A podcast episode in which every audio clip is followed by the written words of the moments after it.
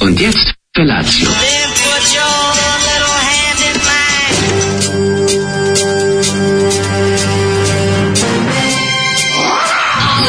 Grupa rozvojenih mladića trči po studenom vazduhu pre zore. Alarm. Ima da kane, nema problema. Svakog radnog jutra, od 7 do 10. Hajde, Geri, jako se velda.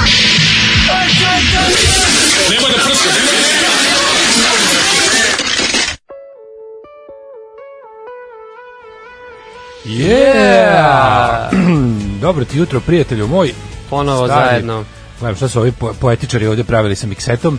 ovaj dobro, nisu, nećemo ih ovaj, nećemo ih, nećemo ih utreskati, dobro je bilo. Nećemo ih odavati, još nisu objavili epizodu, to Aha, malo kasnije. dobro. Da, da. O, dobro, bit će danas epizoda poezije, svet na stipljenjem očekuje. Da, podelit ćemo čim se ovaj podeli naš podcast. Pa da, dobri smo ljudi da se zakače na našu slavu, nije problem, što da ne. Kako si ti meni ovog jutra, prijatelju? E, pa dobro, naš sinoć sam se rano baš spavao, stigao me ovaj umor od dva posla, znaš kako je. Ovo dva posla. Aha, juče si bio i ovaj, si direkt išao posle da crno kućariš. Pa Da, da, Pa ne baš direkt, ali išao sam i onda, pospavao sam se u deset uz neki film, posle samo prebacio, znaš kako to već ide. Da, meni je inače jako, znaš šta mi jako drago? Da. Kada neko prepozna ono što je Zoli pustio. Da, stvarno? Da, stigla je poruka iz uh, Švajcarske, ovo da, Svaka iz Švajcarske. Jebote, grupa Perper. Per, per, pa, Da, jeste, ovo je grupa Perper. Ovo je za nagradu. Slušaj, ovo jeste grupa Perper, a vi trebate kod lekara. Znači, ovo je ko poslao.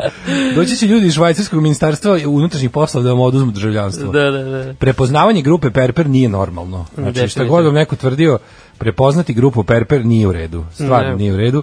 Ove, i, i, ali mi je nekako drago. Da, pa Mislim, sad sreo sam Zolija. m, za Mislim, ja vidim kad on tu bira, kao, Da. kad on tu bira te svoje ploče, kao šta će da pusti. Znaš, gledam ono, kao, ko da hoće da zavuče ljudima, kao, ej, vidite šta ja znam. Šta Ali pažljivo, pažljivo bira, Da, pažljivo. ovo je bila grupa Perper koju čak ja znam dosta. Mislim, ja njih, ja njih pamtim kao uh, prvi band, popularni band, mislim, crnogorska muzička scena zna se kakva je, znači, Mhm. da, Crna Gora je zemlja koja nije imala punk band, imala ga je ovaj, mnogo kasno u odnosu na ostale. Mala je zemlja, krševita je i A, šta ćeš? ovaj, nekako, za mene kad kažeš muzička scena Crne Gore, ja prvo pomislim na gospodina Šobića. da, da, I da. onda grupa Perper je bila, bila je ja ću ih uvijek pamtiti po tome što su oni bili za nezavisnost. Oni su bili liberalski band. Se sećaš, znači, iz tog, da, Oni da. su bili LSCG band koji je prvi od tih kao poznatih rekao, mi smo za nezavisnu Crnogoru.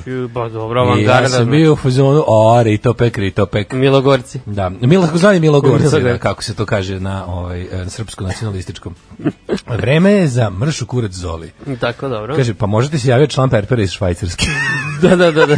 Na privremenom radu. Da, oni su čak i svirali, ja mislim kad je bilo na proglašenje, onda su kad, kad je bilo posle, A, posle, posle je bilo slavlje, da. Kad je bilo slavlje, mislim da je grupa Perper svirala na, na ovaj glavnom Titogradskom trgu. Ne znam, ako nisu bili na Euroviziji, ja ne znam za njih. Grupa Perper, o, da, da li su, pa možda su bili one kao pokušaj. Na onoj, Popušaj. Sve mi smo zajedno, Crna Gora i Srbija su E, zajedno slali, ili tako, do neke Da, godine. da, pa sad svega dok je bio slali smo, naravno. Pa tako. Da, da, da. Par da, puta da, smo jeste. slali zajedno. Pa bio neki škandal, to je bilo pred E, kad je bio pred škandal, raspad. pa smo nešto tu, od Da. škandala onda nešto Oni sledeće godine dječaci. nije... Uh, jer posle njih nije bilo, da? Ja mislim da onda nije bilo, onda smo se raspali i onda otišla Marija Šefović pobedila, ali to je već bila Serbija. Da, da se čisto se vidi ko vlada Euroviziju, Da, tačno, da, od S, da ko je S, ko je. CG. da se vidi ko je na Euroviziji S, ko je CG. Da. A, kaže, ova stvar ima totalno London calling ritam neki, ne znam, ono neko poslao za pesmu koju je pustio Zoli ili za ono pre toga, ali u svakom slučaju ne znam šta ste Možda da od kažete. juče nešto. Sanjala sam vas noćas, igrali smo paintball posle čabareja negde, sa sve rovovima. Moji roditelji isto tu. Majko je ludim li? Poruka iz Nemačke. Pa mislim da, da, malo proveri. Mislim, ne znam šta da kažem. Meni ljudi kažu da nas tako previše ima u njihovim životima, smo zabrinuti. Malo, da, da, da. Zašto znam koliko mene ima u mom životu, pa mi je mnogo. Ja sam I isto onda ne bi da to prelivam na drugi ljudi. Ja sam sanjao da smo otišli sad da, da kupujemo odvojeno u pekaru i ponovine. Au. I da kasnimo na emisiju, znaš ono sada ona fora, kreće ona muzika taram, tararara, taram, taram, i kao sve neke prepreke, ne može da stigneš nikako do A ti studija. dalje kao misliš kao uspeću da neće niko primetiti da Neće ga primetiti, jedino što razlika što je dan sunčan, leto, ono, znaš, kao, aha, tako aha, neko aha. jutro je bilo, nije bilo ovako zimsko. A znaš, na primjer ti kad si juče rekao kao da ćeš nam ono kao cijele nedelje kupovati klopu, da ne moram da, Da, brinem da, i da da. će me ovdje čekati lep burek. Da si ti danas zakasnio. Znaš ti kako, to nisu zakasnio. Ne, mi došli bio posle mene. mogu da, ovaj, mogu sam malo da... da, da, to, to. Ja uvijek idem onako, ja, ja dolazim na ovo brzim korakom, znaš. Aha. I bude ono brzo hodanje. Da, da, I da. to tako izgleda. Izgleda kao čovjek koji brzo hoda, a ne zna brzo da hoda, tako recimo. Kao neki jako debilan atletičar, tako, tako deluje. E, jutro sam bio penzioner, lepo ruke na leđa. Lagano, da. Iza kod da držim tranzistor, znaš, ono i polako. Ovaj e, kaže ovako, e, evo glup fazon za dobro jutro. Mhm. Kako se zovu gliste bliznakinje? Poruka je iz Makedonije. Mogla bi biti Makedonija spaljena za ovu poruku. Hajde čovjek. Pa iste. Dobro. E, kaže, e, pošto je Anton došao kući i sve je okej, da čestitam i ja. Živ bio teglio ga da mu mama i tata navlače kožicu da ne zaraste i da radi sve ono što mu je tata radio samo digitalno. Da, da. Ove, Pridružujemo se. kaže, pitanje za Zozu sa zakašnjenjem u kojoj kafani u Žarkovoj Krko Kovenicu. Pa Krko sam je u ovoj, e, kako sam rekao se zove, e, Čedić. Kod Čedić. Čedića, da, da. Neko je čak i pogodio da je ta bilo u pitanju. Ovaj, e, pa kaže, e, serija Češka zove se Slippers, ta sa HBO. Da, da, E, kako se tačno zove ono bueno bez vafla što ste pominjali? Juče sam ga jeo. To je, e, ima da se kupi, ti, ti ne znaš, ne znam da se pratio, ali ima se kupi sad ovako 100 dinara košta dva komada volika, znači prilično je skupo za to koliko ga malo ima i prilično ima puno ambalaže za to koliko ima malo proizvoda. Znaš, oni, odmah znaš da je proizvod luksuzan kad, kad su dobro zapakovali nešto čega nema mnogo. Da, da, da. da. I onda A vidiš šta si zapravo platio. Kao Bueno, potpuno je Bueno, u kom nema vafla. Pa za nas koji ne volimo drveće u hrani. Ove, zove se Choco Fresh. A, što, što bi to neko kupao? Ja bih ga kupovao, to je najbolje nešto na svetu. Znači, nema ni malo hrošt, hrošt momenta. Da. Znači, onaj savršeni krem sa onom savršenom čokoladom i mora da se drži u, u refrigeratoru. A, pa da. Zato što je tako napravljeno. Ne, ja evo jedno već koliko, tri meseca ne jedem šećer. A jebo ti šta ti je? Od sledećeg vikenda krećem, znači to mi je e, sezonski. A čekaj, zimi ti treba šećer, jel da? Ne, nego Da sad kad idu ovi praznici, to onda se opustim i leti se Ja, opustim. šta se opustiš na kojim ne, praznicima se opustiš pa onda šta ono. I, aha, ti ideš uz posle slave i to kao. Da, da. Ne, dobro, kad, kad neko baš napravi nešto onak handmade, onda, onda probam obavezno. Dobro, znači u principu Ne kupujem, ne kupujem, da kažem tako. Ti si baš zdravo jed. Pa, mm, mislim da je to teš, te, preteška reč za, Ne znam za baš. moju vrstu ishrane. Ti si zdravo čoveče, ti možeš i što ja bi trebao više tebe da izbaciš šećer. Ovaj kaže bravo Đolo, fuj kupus, fuj kiselo. To, pa, kiselo O. katastrofa. Kaže, ko je- kiselo mleko samo pre. pitanje, koja pesma je juče išla posle emisije? Ovaj pesma je presavršen ljudi, to ne znam To posle. ne zna Drugi, niko. a, treći čovjek kom dajemo platu, to je auto DJ. Mislim da on je, on je zaista i plaćen. tako da tako da ovaj ne znam šta je on, on, ima potpuno autonomiju u radu. Da. Ovaj e, kaže kako da stanem u XL majicu. Pa nemam pojma kako stanete u XL majicu. Ja, da, ovaj, e, ma, ako ne možeš da staneš u XL majicu, Kupi XXL. ne u XXL, nije bila. Nije bila, nisam naručio ni jednu, priznajem. Izvinite, pa praštajte. Pa može da se tegli, pa onda će, prostaće XXL. Pa onda kaže ovako, e, Marija Šifović u to vreme bila radikalka, javno govorila i pevala im po skupovima. Zamisli sada takvu situaciju da popularan pevač pevačica napupa, nastupa po skupovima Saveza za Srbiju. Jeste pevala je da kod radikala, mislim kod Tome je pevala u suštini zato što Kako su je oni to nešto kragujevčani a? tamo, da, da- da. A vamo kao naprednjaci imali prvu lezbijku. Da. Ajde, molim vas, zna se gdje su buč. Tako. Prvo bila još dok se nije smelo. Jeste. Ovaj, pa onda ovako, da li može Ana Brdić da čestite rođendan mami Enđiki koja je trenutno na privremenom radu u nemačkom inostranstvu? Majko Enđika, Njemačko ti inostranstvu pomogla, a Ana Brnebić bi to ovako rekla, nema prava, dok prava Ana Brnebić e, je kod mlade na kući i pomaže mu da digitalizuje porodicu. Možda ima iskustva. Ma, nije došlo na pamet, šta sad ja? Ako recimo kažem srećan ti rođendan, jer ja sada pomažem organizovani kriminal na taj način. E pa srećan ti rođendan, Enđika. Enđika, NGO, kako mi kažemo. Uh, ove, odgled rumunske senke, svaka sezona sve bolje, nema ulepšavanje i kopiranje ničeg sa zapada, rumunski Ray Donovan pokidao. A koliko ima sezona? Uh, Umbre, ja mislim da ima tri, Dobro, ili morat dve ću i da po. bacim Mislim, znam da sam sve pogledao, od početka do kraja, sad malo mi možda već počnem da zaribavam od ove siline svih serija koje mi okupiraju glavu, ali, ali znaš, on kad znam da sam završio, onda... Da, da, pogledat ću, Ok, pogledat ću. Slušamo uh, Davida Hasselhoffa, znači, Opa. da li si ti vidio da on izdao novi album? Ja smo puštali stalno ovu jednu stvar koja je naslovna, koja se zove ove, Open Your Eyes. Čuo sam, ali nisam ispratio. Izdao je lik album obrada panka, New Wave-a uh, i Da, Indija. da, da. Ima još par nekih kao klasika, u to je utrpao da bude totalni paprikaš, pošto je on ipak Nemac Mhm. Da, da. sa ono best of izdanjem koje može da se stavi u prašak.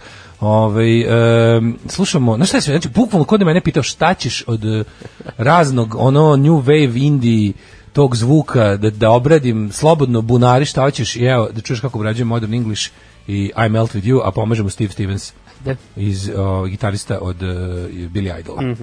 David Hasselhoff. A reci kako ga obradi. Prvo odakle izvedio stvar. plaže. Prvo odakle majstor izvedio stvar, pa on, on mislim ovu stvar, ne onu stvar. Da, da, da. Odakle izvedio stvar, a on ima tu još pa ima Echo and the Bunny Man, ima Jesus and Mary Chain, ima To ću uh, pogledati, da. Bovija, ima Lords of the New Church, mislim, Mhm. pa onda tu ima i Sinatra i, i ne znam, ima i White Snake za, za ne pohvaliti se. Da, da, da, da. U principu jedan super album i čekam da mi stigne ploča da je. Ajde. Ovaj, kaže, izgleda nešto iz sedmi sezone Red Donovan izašlo u novembru, nadam se da nisu razvodnili, što ima više da se razvodni, ja već serija koju ću, znači, naravno, pratim, da. ja Red Donovan obožavam, ali mi je situacija sa njime trenutno kao sa Sons of Anarchy, znači gledam Aha. iz poštovanja prema Da, da, da. prethodnim godinama koje sam dao njemu. To mi je jasno. da. Tako da ću da završim da vidim. Ovaj, znači, krenuo je Ray Donovan, ne pa lepo da sad i to imam, to ga pišem na papir. Ovaj, Đole, je li bolje voditi alarm ili serije gledati? Hvala, Alan Boder. Eto, vidiš. Jedino što seriju ne možeš ustajati rano ujutro da Kaže se, ovo, ovo. E, jel može New Order Blue Monday? E, New danas je sreda, ne danas može. je, nažalost, ne može, danas je sreda i ne može Blue Monday, ovaj, ali vidjet ćemo neki New Order preko veze da ubacimo. Mm. E, pa sad, da, kaži ti meni, Đorđe, prijatelju, druže, brate, Mm. kako si ti proveo jučerašnji dan? Jučeras i ceo dan sam bio tako pospan. Ovaj, Aha, I aha. šta, pa bio sam kod, uh, jesi bio nekad kod Mileta Pice? Kako nisi bio kao u Gardenu? Da, Odličan je. Se odlično. Garden zove? Fresh Garden, da. da. Fresh Garden, moram da pohvalim. Jeste, Imaju onu picu, picu sa um, onu picu sa, sa mleveno meso. E, Pa, da ti to nisi jeo. Ti si jeo. Ali probao sam tamo picu sa ananasom Jeste, ima. i pečurkom. Jesi vidio ne mim što imaju, ovaj, jesi vidio mim sa ono kao neki, ne znam, odakle da li iz nekog filma Scorseseovog, mm. -hmm. da je ono, znaš, ono kad likove vidiš na fotografiji da su neki matori Ja, da, da, da, i drže dva tipa Drže- drže treći koji se ono kao otima i izgleda kao će mu ono kopaju Prvi- kao da mu cementiraju ananasa. kao da mu cementiraju njog i piše kao, kao Italian American is forced to watch as pineapple is being put on pizza First time. 2014. Colorized, colorized. colorized kao da 2014 e pa to je to mislim mislim da, kao Ali meni je okej, meni je to okej. ja sam isto za, ja sam za, za picno e, eksperimentisanje. Pa da, mislim, meni ono kad neko stavi nešto, ne znam, papriku ili tako što, si to radio, ali dobra, i poješću i to čak.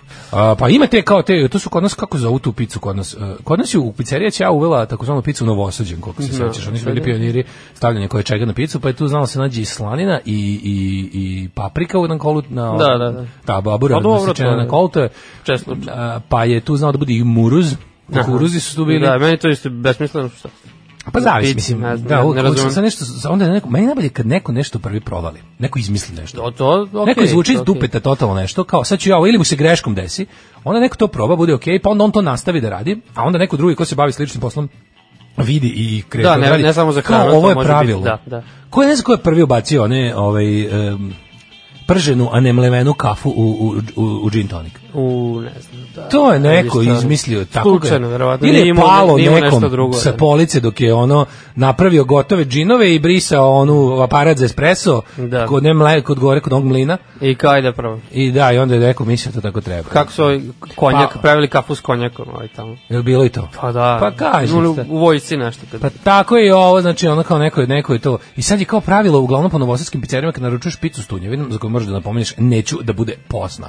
Da. Hoću samo da bude s tunjevinom. Neću onaj sir od, od ne znam ne čega, nego obično picu sam staviti tunjevinu. Ne. Obično je sad kao ide kukuruz na nju, eksperimentirati. Mhm, u, u većini. Da, da. U većini pizzerija. Dobro. Kaže, pravda za ananas. Ove, e, I šta, ja bio si kod Mileta Pice juče. Pa da, bio sam i ovaj posao smo kao da, da rešimo gde ćemo definitivno za, za novu godinu.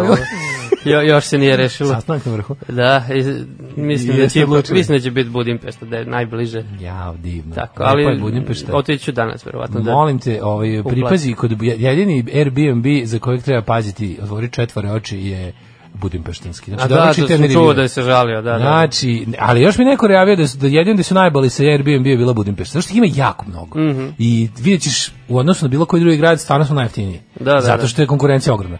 A to znači da tako skidaju se one stvari, da treba, čitaj tamo, one, uloži vremena u one ocene. Kontam, da, da. Znači, ako je lik polovne gume varijanta, ako je lik ono, Znači, ne, ovi što, ovi što, ovi, znači, pazi samo, znači, ako je, samo preko 9-5 uzimi. U, dobro, ajde. Preko 9-5 To pa samo. kao i serije što gleda. Znam kafe u konjaku je fora da ako se osjeti kafa konjak nije kvalitetan, kao u tome fora. A ne, ja znam za obrnuto, ali dobro. Aha. U, našao sam najcringy grafit u Novom Sadu na Grbavici. Grci su zbog Jelene uništili troje, ja bih sve dao za ovu moju. Taj isti je bio Jeste, u znam za tebe. Valentina Vodnika na kraju tamo u našem starom studiju. Jeste, Kod našeg starog studija je bio Bal Borođeš na Zarene. Kod one kafane preko puta. Jeste, preko Znam, znam, znam. Grci su zbog ljubavi, zbog ljubavi je A pisao. ima na Grbavici bolje, ono, Gari daj 15 dinara, fali mi za puding. Pa to nije cringy, cringy su ovi kao... kažem bolje. A ovi su cringe, da, da. Ovo je baš onako... Jeste, jeste, ima tako. Sramotate. Evo, Šta ja sam mu, uh, prijatelju moj, bukvalno, neko pita šta se pakao pakete ceo dan. A, ti si bio poštar, da. S jedne strane sam zadovoljan. je- Prekinuo si štrajk. Juče kao zvanično počela prodaja. Znači, Štrajk merchandise Ne, štrajk je gotov, ja tu nešto. se. Ja plus još nisam, nisam ja još danas to, danas to šaljem. Mhm, Danas dolazi uh, ovaj Tadija, the mighty Tadija, da to, da to liferujemo, ali je ovaj, uh, Boga mi, znaš ono kad ja, ja to pedantno otvorim one sve poručbine Excel tabela, ko šta da nema greške, pa onda Znaš Excel? Pa ne znam, znam ga toliko da ono, kad znam ga toliko da ono da, da, da, da napravim Basic, spisak za kupovinu bez da ono kupim, razumeš, pogrešan omekšivač. Tako. tako da je ovaj danas je to da bude pa primo. I još ću danas da. Znači, ja, od kad sam kao to zvanično glasio da ima, sa onima što su još provalili da su majice u prodaji ranije, pa kaže napokon se čuje ono, pa izdano 50 nešto paketa. Stvarno, u, pa to Znači, je... Pa dobro novogodišnje. Pazi, pa da, nadam se da to, zato što, o, pazi, juče smo kao glasili da prodajemo, već je više od pola otišlo, svega što ima. Više već, kao, već, još sad sam na polovini cegira i na polovini majica, znači, Da, ono, da, baš, da. tako da molim vas, požurite. požurite, ovaj, ako da ne bi posle bilo, Wednesday. da, da ne bi posle bilo kao, ovaj, a ja nisam stigla, stigla, da, da, pa- plus onih par nekih izvoljevanja tipa, jer možete, ovo, molim vas, treba da stigne ovako, a može meni ovdje, može meni ona, tamo. da, da. Ne, to je sve okej, nego ono kad bude nešto, ja tu sam stvarno blizu, nemojte poštom, ajde dobro. Znači, te kao specijalne želje. ono. Ima i to, da. Može Daško da mi svojom levom butinom istrlja majicu. Može, nema problema. Da otpeva nešto. Onako znate da sve što naročito nas sad to lično svojim rukicom pipkao. Mojom rukicom pipkane, što bi rekao Balašić. da. Šta se reći? Pa ne, kako bi neki bez veze dan, tako bi neke neke loše vesti najbolje drugarice Ćale, nešto baš ono nije dobro, pa onda a čekaj, sad bilo nešto lepo. A, em, da, napravio sam drugu turu moje azijske kuhinje od sirovina koje sam kupio za onu supu koju mi je Nije došla ti glava. bilo dosta, I da. da ovaj put se nisam pravio pametan, pa je izostao wasabi i ostali neki momenti da sam trebao da, da budem egzotičan To, i da, to, da. to sad nisam uradio. Evo sad jak, recimo, da. I sad evo recimo sam lepo spavao noćas. e, pa to je bitno. Da. I čini mi se da će se taj um, Trend. dobro stanje u stomaku nastaviti i tokom cele emisije. Da, da, nadamo da se. će biti okej. Ovaj, e, kaže, kada pravim picu nije mi toliko važno da bude te neke stišnjene. Bitno mi je da ima dosta šampinjona i sira. Pravila je. sam i tako povrćem s paprikom i kukuruzom, odlična. A Dobro, ovaj, uvek mi super da pospem semenom suncokreta pre pečenja. Suncekret preko svega, gibanice, proje, kiflice i pice. Suncokret, pa dobro može i su sam ne mora baš suncokret. Ne znam šta da kažem, ovaj, slušamo Flash Cubes i Catherine. Mm, ko lucom bez sokova. Alarm sa mlađom i Daškom. Ja, slušali smo ovaj, Paraf. Paraf. Da, nisam ih gledao. Ste, ste bio nisi? Bio sam kod Firčija, da, da. E, pa priče čoveče. E, pa super je bilo. Pa Mislim, to, pa ja sve čekam, ono. Znači, bio si na Parafu. Bilo, bilo. svirali odlično ove stvari sa pevačicom. bilo, Da, da, da, pa oboje su bili. I izašla Vim Kola. da, pa menjali su se, menjali su njih dvoje. Onako Ja, mislim da su kao dva puta iz, izmenjali. A znaš da već bio, pa mislim je Paraf bio ovaj Val, Val, Walter. je bio sa onim svojim nekim bendom na, na Tubi Punk festivalu, Mhm, kako se to nešto, Les Mandrills, tako nešto se zove. Ne, što imao neki, da, da, da. Sad ja ne znam u kojoj meri je ovo bila mislim original, jedna od i o kojoj u kojoj meri su ljudi koji su svirali tu u Novom Sadu i u Beogradu ovaj put bili Ja sam- e, deo postave koja je snimila te klasične albume početku kraja 70. Koliko sam shvatio, praktično su, svi su bili. Znači bili su i, i pevačice i i, I, ovaj Vim basista i- koji je njen valjda muž, ako sam dobro razumeo. Aha. Sada koji nisam lupio, ali mi čini mi se da je tako bilo. I da oni drže neki tamo kafić nešto, a ovaj Walter radi kao ono On nas, učitelj, nastavne on učitelj. u neki nešto učitelj da ali, nastavnik. Da, čitao sam neki intervju s njim da su oni e, zapravo te prve pesme snimili apsolutno bez kontakta e, audio sa punkom, oni su samo valjda njegov ćala raznosio novine, tako nešto. Oni su u novinama videli da se u Britaniji pojavio. Oni su videli punk. Videli su, gledali su slike i kao prepoznali su otprilike kakva bi to Kako bi to muzika, koja bi da to moglo izblici da toliko bude. slatko. A oni su bili klinci, ono srednjoškolci i napravili su prvu svirku tipa Pa jeste, ispred zgrade da, da, da, i kao to je prva svirka u istočnom bloku punk svirka. Pa jeste, pa, paraf je prvi, i prvi, pa, ja mislim da njihovo izdanje prvo izdanje. Prvo je para, pa onda punk Pa, mislim, ti kad čuješ što to više zvuči kao, ali meni to, meni to baš uh, najviše zapravo od, svih, od, od uslovno rečeno originalnog punk bendova, a oni oni bend koji se uglavnom utrpava u prvi talas panka iako su postali pre i već znali da sviraju Stranglers. Mhm. Znači zbog toga Parafi su imali orgu, orgulje, Da, da, da, električne da, da. klavijature su imali i one i one stvari koje su napravili znači kako to slatko nisu videli pa su zamislili kako bi to moglo da Zamisli, da, zvuči. to je- to mi je Kao genijalno. to ovako izgleda, to sigurno Da, ovako da, da. zvuči, po to je preslatko. Odlično. Da, parafi su super jako mi je žao što sam to propustio. Komotno sam mogao da Ma kakva je bila svirka? Dobro je bilo svirka, ono, mislim, možda je moglo malo uzučenje biti na, za nijansu bolje, znaš već, Da. ali nekako bilo super atmosfera i bilo puno. Vidiš, baš, na ovom baš našem puno. festivalu zvučenje bilo baš dobro. Jel jeste? Pa jesi ti bio na ulicama protiv? E, nisam, to sam propustio, malo bilo sam je se baš razbolio. dobro zvučenje. Da, Sve da. je bilo dobro. Mi smo imali, onako što se kaže, entuzijaste za mix pultom koji su Pa, to- to- tamo izginuli da naprave to kako treba, ali da, znači, e, žao mi, znači, dobar koncert. Dobro, dobar. Ove, um, Jel se žale ljudi što nema mlađe? Ne, niko danas. Znači, već ne, ne gotovo. O, ovaj, kako ti kažem, Prvo primljen si potpuno kolektiv, to smo još juče zaključili, a sada se niko, se 7.35, juče u 7.32 već bilo. Da, znači, Sad je rekord prebačen, sad je da se desi, znači da je to zato neko radio samo zato da bi Sad je čuo forma već, da. bila zadovoljena. Da, da, sad je znači kasno da- gotovo. Znači, sad je kasno, znači Prošao gotovo. brzi voz. Gotovo, gotovo. Nabao sam na neki film sa Batom Stojkovićem i Bekimom Fehmijom. Znate kad će Srbiji biti bolje? Kad u onoj nebeskoj kafani s glumcima, speaking of cringe, aha, aha. bude za Šankom i Fehmiju. Tako je, bravo, ovo ste lepo rekli. Kada ljudi budu shvatili da je to jedna od najvećih glumačkih Da, veličina i da da. prestane stalno se govori o njemu, ne stalno, nego većina ljudi kao u fuzonu, svi, pazi, svi do jednog priznaju da je on glumčina. A onda uvijek krene neka ta priča kao, znaš, kao, uvijek mora malo taj nacionalni moment da se pomene, a Becky Fehmi baš zaslužuje da se o njemu govori isključivo samo kao ono o potpuno genijalnom glumcu. da, odličan glumac. naravno neki ljudi to i ne rade iz loše namere, nego zbog toga kako se cela stvar završila, znaš, to, Mhm. je, to je nekako i, i, i, i to što je taj, što je taj čovjek tamo ono kao prilike pred kraj života dočekao da vidi taj raspad, ono, I, Koje godine umro? Pa ne znam ko je tačno umro, ali otprilike dovoljno, je, početak dovoljno je ono poživeo da doživi neprijatnosti u Beogradu od budala. Da, da, to znam. Mislim, i po pričama Ulix, Uliksa. Ulix je to pričao sam- ono kao tipa kad ta, taksista ga vozi Mhm, kući i kaže znam tu adresu, tu žive naši. Jeste, Ali kaže da. to mi je otac. I onda taksista bude neprijatno.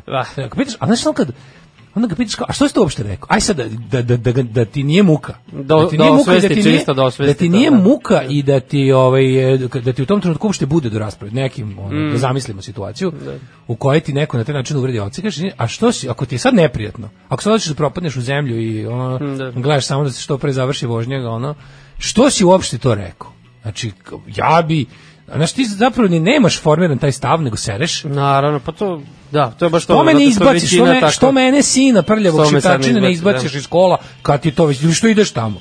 Što je voziš na tu adresu, znaš kao? Nego, nego si tako neki ono deo mase Mm. koja je poludela i hoćeš da budeš ono taj što baca kamenje sa ostalima. A u principu bi mogao da budeš i dobar čovek, samo si tako ono. Ove, kaže, ko je taj mlađi kog stalno pominje? Ove, um, ko je mlađa?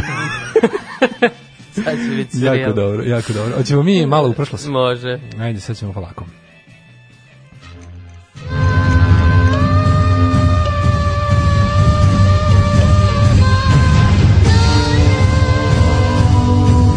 Dogodilo se na današnji dan. A, hoćeš ti prvi? Može, hoćeš ti da kažeš da ćeš za novu da mi godinu? Se, da mi se nadigne na današnji dan. Znaš da imam problema sa jutarnjim dizanjem? Da, da, da. Sajta na današnji Već sam to primetio, nažalost. O, e, vidi. Dakle, Sad je- 18. decembar. 18. decembar. što godine. 352. dan godine. Opa, koliko do kraja godine? Do kraja godine još 14 dana. Ne, juče je bilo 40 dana. 13 dana. 13 dana. E, Da, je Sad 13 dana. ovako. E, I, i gde ćeš, ovaj, da li Ne, ja te. Da li, pa ja sam rekao. A hoćeš ti sad ubiš, aj ti budi mlađa. Dobro. Pošto dobro. sad već stvarno se približilo Da, sad je već stvarno ozbiljno, sad treba praviti. i mislim da, da bi mogao da nam saopštiš zvanično. Sad, sad, sad ozbiljno, mislim ću, ovaj, pošto sam se jako, jako, jako, jako želeo ovaj, Jane i svoje sestre, nisam ih sto godina vidio, mogu, mislim ću opet da odem u Beč. A, čube. Joj, želim u Čebe. za- Znači ne idemo u Strugarsku monarhiju. A idemo, da, ti ideš u, u dualnu monarhiju, ti da. mislim, sve nešto ozbiljno razmišljam, mislim, nervira me, nisam i baš zbog raznih gluposti, nisam mogao da ih dugo vidim i sad mi već onako već ozbiljna kriza me hvata, pa ću Da, da, da, da, da. da, vidim šta ću i kako ću. Inače, danas je Međunarodni dan migranata, evo. Mhm. Srbija dočekuje Međunarodni dan migranata sa onom govnarima Boško Obradović. Boška Obradovića i sa onda kao rascepom otprilike u Savezu Srbije, ali ne dovoljnim da bi što, što smo jučer rekli da bi neko oterao u materinu, rekao Mhm. ajde ti fašoj tamo na marginama političkog života da ti je mesto, nećemo mi već to te guramo u mainstream, ovaj, bilo je samo kao, a, da se, složili smo da se ne slažemo. Pa zato Vučić ispadne divan po- pored njih. Vučić onda ispadne humanista migrantima, evropskih pa, razmera. Međunarodni da migrante, ljudi, ako vidite čoveka u nevolji koji niko, niko, nikada. Znači, e, jesu ljudi odlazili od svojih domova, ako ništa drugo iz radoznalosti, od kad je sve TV, kada vide nekog da ne drži mesto. Mm. Ljudi koje sretnete, u onim natruntani jadni, onim što imaju, da imaju šta, mogu- šta mogu, ljudi koji nose džinovske te neke torbekanje na leđima, ljudi koji po hladnom vremenu tumaraju putevima blizu granica državnih, oni sigurno nisu to zato što je kod kuće bilo dosadno ili zato što su došli nisu na tajnoj misiji da islamizuju i upropaste nešto. Nisu nisu znači, to su trebalo bi da vam je jedina emocija koju imate kada vidite te ljude uh, ne da kažem sažaljenje ali solidarnost i saosećanje tako da eto to bi bila to poruka govor eh, kolege. to je bila poruka za dan migranata to je bila Da. poruka za dan migranata um, Moja istorija da. kreće u, u trećem veku PN. ne da Te isto. E, 218. PN. Da, ti si to lepo izračuno koji je vek, treći vek. Pa ne, kada je u bici kod Trebije. Trebije. Trebije. Trebije. Trebije, da me vidiš. ti to na francuskom. Ja sam Trebije. Da. To je drugi punski rat. A Karta- to je zapravo Severna Afrika. Da. Kartagijski vojskovođa Hannibal nanio je težak poraz rimskoj vojsci. Punački ratovi. Jeste. Bo, dobro, to je baš početak tog punskog rata. 1398. Mislim, meni je prosto neverovatno da postoji neka druga godina osim 1389. u tom veku, ali izgleda da je bila. Ta, kada je Tamerlan, popularni Timur Lenk, zauzeo. Delhi. Da, znači oni su se baš ono proširili u tom periodu. držao većinu globusa u tom trenutku. Da, Mislim, sve što... Mi, mislim, njega znamo iz ove bitke kod Angore najviše, tu je, tu se očišao nas na način da su naši jel ovaj o- odavde velikaši imali obavezu da se pojave tamo i da nastupe za reprezentaciju otomanskog reprezentaciju Bajazita, Za da budu turski internacionalci. da, i pošto bili porobljeni, onda tako. E šta je bilo, jel se zna šta je Tamerlan uradio sa uslovno rečeno našima tamo? Uh, Posle poraza, jer- pa ne, naši su, koliko ja izginulo? Ne, koliko ja znam, oni su svi završili, u, bili su u Carigradu neko vreme i onda su... Gde je Kraljić Marko poginuo? Jel tamo? on, Nije, ne, ne, on je ranije, Ro- ranije. Rovine, Rovine, da, Rovine. da, da, ranije, ranije. Rovine, da. A ovaj, e, ko On je tamo je bio Despot Stefan i Despot on- Stefan. onda posle toga dobio despotsku titulu, jel? posle toga? Posle te bitke. A Pošto on- je bio veran. Ovaj. E, Čekaj, on se, on se vratio živ zdrav. Da, da, da. On se, a, zato što je Bajazit zarobljen, izlomljen, Tako je, da. ovaj ga je ono nosio okolo i pokazivao kako ga je. Da, ne znam tačno koliko ga je još nosakao, ali... Da, on slomio ga i nosio ga u kavezu. To, to, to. Pokazivao ga po ono skupovima Srpske radikalne stranke gde je bio Ringišpil i Rakija. Da, da, da. Hiljadu, e, isto, iste godine. A isto, ja nemam isto. Kublai Khan je promenio naziv e, svog carstva e, u E. Yuan, e, znači početak ti- dinastije Yuan u Kini i Mongoliji. To je neka greška. Mislim, to, to je bilo da nije ranije. 1398? Kublai Khan je bio ran, pre ovog eh, ta, Tamerlana. A to je meni sad čudno. Vek ranije. Tako Zašto da ovo je piše neka- 1398? Pa to je neka greškica. Jer bio vek ranije tako. I Da, meni se da. čini da je, da je zapravo Tamerlan poslednji iz tih kao kan, Da, da, sigurno. kan varijanti. Mm. Iako nije imao kan naziv. Kan je titula, tako? Kan Pa da. da. 1000... 1499. 1499. Ajde. Muslimani u Granadi su se pobunili protiv svojih vladara zbog prisilne konverzije na katolicizam. Uh, aha, to su ovi uh, evropski u, u Španiji, tako? Da, da, da. Tako zvani saraceni. Sa, Safar. Sef, nije Sefari, su E, jevreji. Jevreji. Jevreji. Ovo su saraceni. Jeste, jeste, pravo. Tako. Uh, 1642. Abel Tasman postao prvi evropljan koji je doplonio do Novog Zelanda. E, Što da. jadni Novi Zeland što je nešto krenulo, da, ono, nismo čuli za njih 20 godina, nismo I bili onda, vestima, da, čoveče. da. 20 godina smo bili vestima, da. samo kao ono, zanimljivosti. Gospodar prstenova. Nešto lepo, gospodar prstenova i, i ona što je Annabelle Langbein što kuva. I odjednom jebate onaj pobi džamiju, zemljotres, vulkan, Mm. baš ih nešto krenulo, neki, ne ostavite da ono, ostavite Novi Zeland na miru da bude, da bude lepo. Da, ostavite na miru da, da bude lepo. 1777. Aha, u SAD je proglašen, e, proslavljen prvi dan zahvalnosti, Thanksgiving Day, čime je proslavljena nedavna američka pobjeda nad britanskim, dakle, pre godine dana su e, proglasili nezavisnost A tu je bila varijanta, čekaj, ako se ja dobro Ja, dan zahvalnosti, da, se, To je Dan ne zahvalnosti. slavi se baš kao, i, mislim, ne slavi se sve vreme kao i sada, znači sad je to poslednji neki čet- E, poslednji četvrtak u novembru. Ili četvrti četvrtak zapravo, ne poslednji. Nekad može biti pet četvrtaka u novembru, pa ima i tu razlike. Ne, nije poslednji Mislim da je četvrtak. četvrti četvrtak sada već da je baš sta- tako, ustanovljeno. Da, da, da. A, ovaj, a ranije se slavilo i ono, u septembru i ne znam, u, u decembru vidiš. Da, da, da, proslavljanje vidiš u sred decembra. A čekaj, tu je nešto, je li tu neka varijanta da su tu ono, Native Americans pomogli kolonistima protiv Britanaca? Je li ima to neke veze? Da, da, da je tu nešto bilo tako nešto. Pošto taj Thanksgiving Day ima veze sa, sa, sa Indians, kao ne, neki od nešto tu postoji. Možda, vidiš, ne znam. Zar nije tako nešto bilo? Nisam siguran, ja bi očekivao da ti znaš bolje to američko. Pa američko, da, ali to su te neke začkoljice da ono ti se brka sve Jeste, živo. pa ono. ne, nisam ja siguran. Ovaj taj pre početak Amerike. Mm. E, 1787. New Jersey je postao treća američka država koja je ratifikovala ustav SAD. Dobro. A-. Ostaje nešto SOD, vidi. I Jeste, meni pa, bar. to su- to su- 1865. Ste godine. 1865. ratifikacijom 13. Ovaj, Da. amandmana, to je ukidanje ropstva. Mhm, da, tri To je četvrtine. Amandman. Pa da, ovo je na kraju građanskog, građanskog rata. E, 1903. Mhm. Američko-panamskim ugovorom zona Panamskog kanala je stavljena pod kontrolu SAD uz godišnju rentu. 1916. E, pobjedom Francuza završena je desetomesečna bitka kod Verdena u Prvom svetskom ratu u kojoj su obe strane imale gubitke od Tamo je po ljudi pola miliona, znači. Da, tamo je milion ljudi ukupno izginulo. Ukupno milion ljudi, čoveč. Znači, Zamisli, to je ta Ja, rovovska. ja to često zamišljam koja je to površina, podeliš površinu ratovanja, bo- bojnog polja, Da. sa milion ljudi. Koliko Podeliš ljudi po- milion vidiš da, koliko... po kvadratnom metru. Po koliko lešova tu gaziš ako pokušaš da pređeš jednu livadu. Da. I ono- Znači, deset meseci su se Sve te, sve spomenike. Nisam, nisam. Tamo neki, bio. kako se zove, mislim da se kaže, da se čita Mort Om. Mhm. Mort Home, taj neki, ima, mislim, to je, pa što to, to je kampanja više bitaka i više, ono, Da, da, da. to jedno, ono, to je, Ali tu je, da, mislim, to je trebalo koliko piše da je stajalo? Da je 10 trebalo- meseci. da, pa mislim, znači oni tu- su bili u rovovima, mislim. bilo tu i ničega, ono, Nije bilo napredno. Nedeljama, ono, razumiješ. Da, da, da, svakako. Onda kad krene, ono, ovi što mi je bilo dosadno, poželim, opet bude dosadno. Uh, osnovno je Hrvatsko novinarsko društvo na današnji dan, Koje godine? Hi- 1910. A, kao neovisna udruga profesionalnih novinara sa sjedištem u Zagrebu. Meni 35. sledeća. Uh, izvolite. Edvard Beneš izabran Benem, za predsjednika Čehoslovačke. Mhm. E, Četiri dana posle ostavke prvog šefa te države Tomaša Masarika. Ja sam jedan dočekao i Beneš je dočekao i da mu Nemci uzmu celu zemlju faktički. Da, on je bio to u, Su, u egzilu. takozvani studentski Nemci. Da. Be, Beneš je onda morao da, da, da, da, da, da, da bega. Da, pa se onda vratio. Jeste. I on je neko tu dosta, dosta bezbolno to bilo predavanje vlasti, Vlasti komunistima. komunist. Mislim, Da, nije bila nije bilo nikakvog bili- građanskog rata, nije Da. bilo Da, komunisti su preuzeli vlast u ovaj pod jel ruskim ono za- zamolili su ih Rusi baš lepo. Lepo, nisu da. mogli da odbiju. 48. Ovaj 48 je došlo do bukvalno skoro pa demokratske tranzicije Da, na, da. na, na boljševizam. E, pa onda ovako 1940. Vođen nacistički nemački Adolf Hitler naredio u drugom svetskom ratu generalštabu nemačke armije da pripremi invaziju na Rusiju i smislio tajno ime Barbarossa. Barbarossa, znači šest No. meseci ranije. Jeste, to je po germanskom caru koji je Da, da. prvi zapravo pokušao se širi na istok. Iz 12. veka. jel? Tako? Pa da, bio u Nišu. Da. E, jeste, bio u Nišu. Bio u Nišu. Sastao se tamo Stefanom Nemanjom, Jeste, je. jeste, jeste. jeste.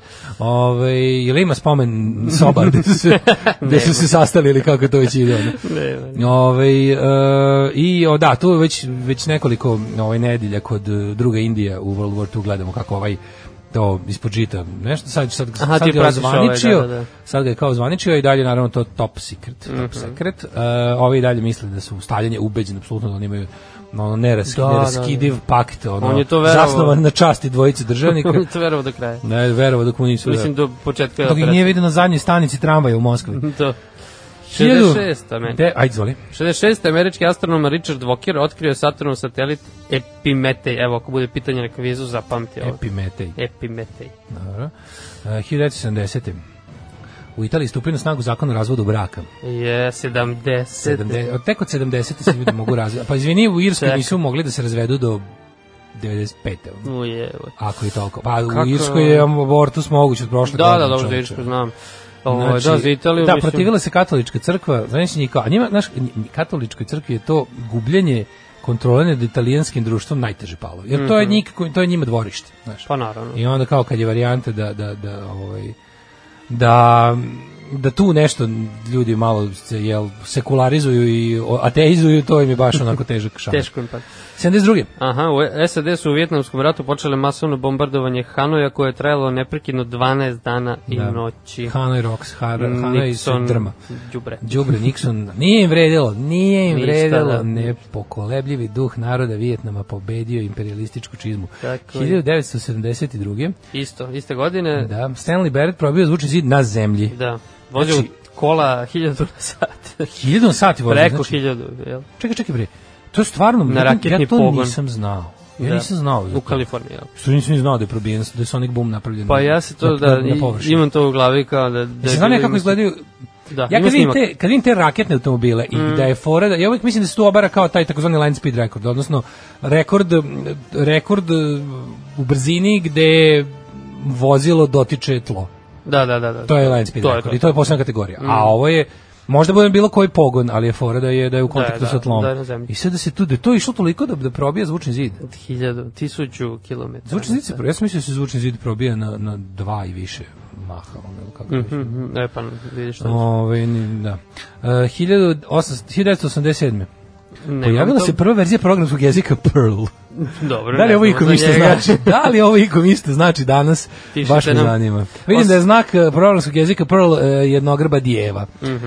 Eh, 89. Evropska ekonomska zajednica i Sovjetski savez potpisali sporazum o trgovini i ekonomskoj saradnji. Ne, to da. to je glasnost, perestrojka i ostalo već eh, Bor, Borbačov, A pazi ovo. 93. aha. Da, u Zagrebu ob- obnovljen rad Srpskog privrednog društva, Privrednik, koji je ukinuto Da. 46. Pa ti kako je to interesantno da je ovaj čete kao naš uh, tu ima je trebalo ne malo da pokaže kako mu je zemlja ipak demokratična i ljudsko pravaška. Da, znači ukinuto je tek 46. Pa 46 je ukinuto zato što je bilo vreme, kapitalističko. Znači to je bilo društvo bogatih srpskih trgovaca koje naravno socijalizmu nije mogla postoji. Ali u NDH su postojali bez problema, znači. A to misliš ukinuto 46. pa mislim Da, to je više interesantno. Mm, da, mislim, ne znam, nisam se 46. bavio, znam da su oni ne, bili na da je bilo- saktoru.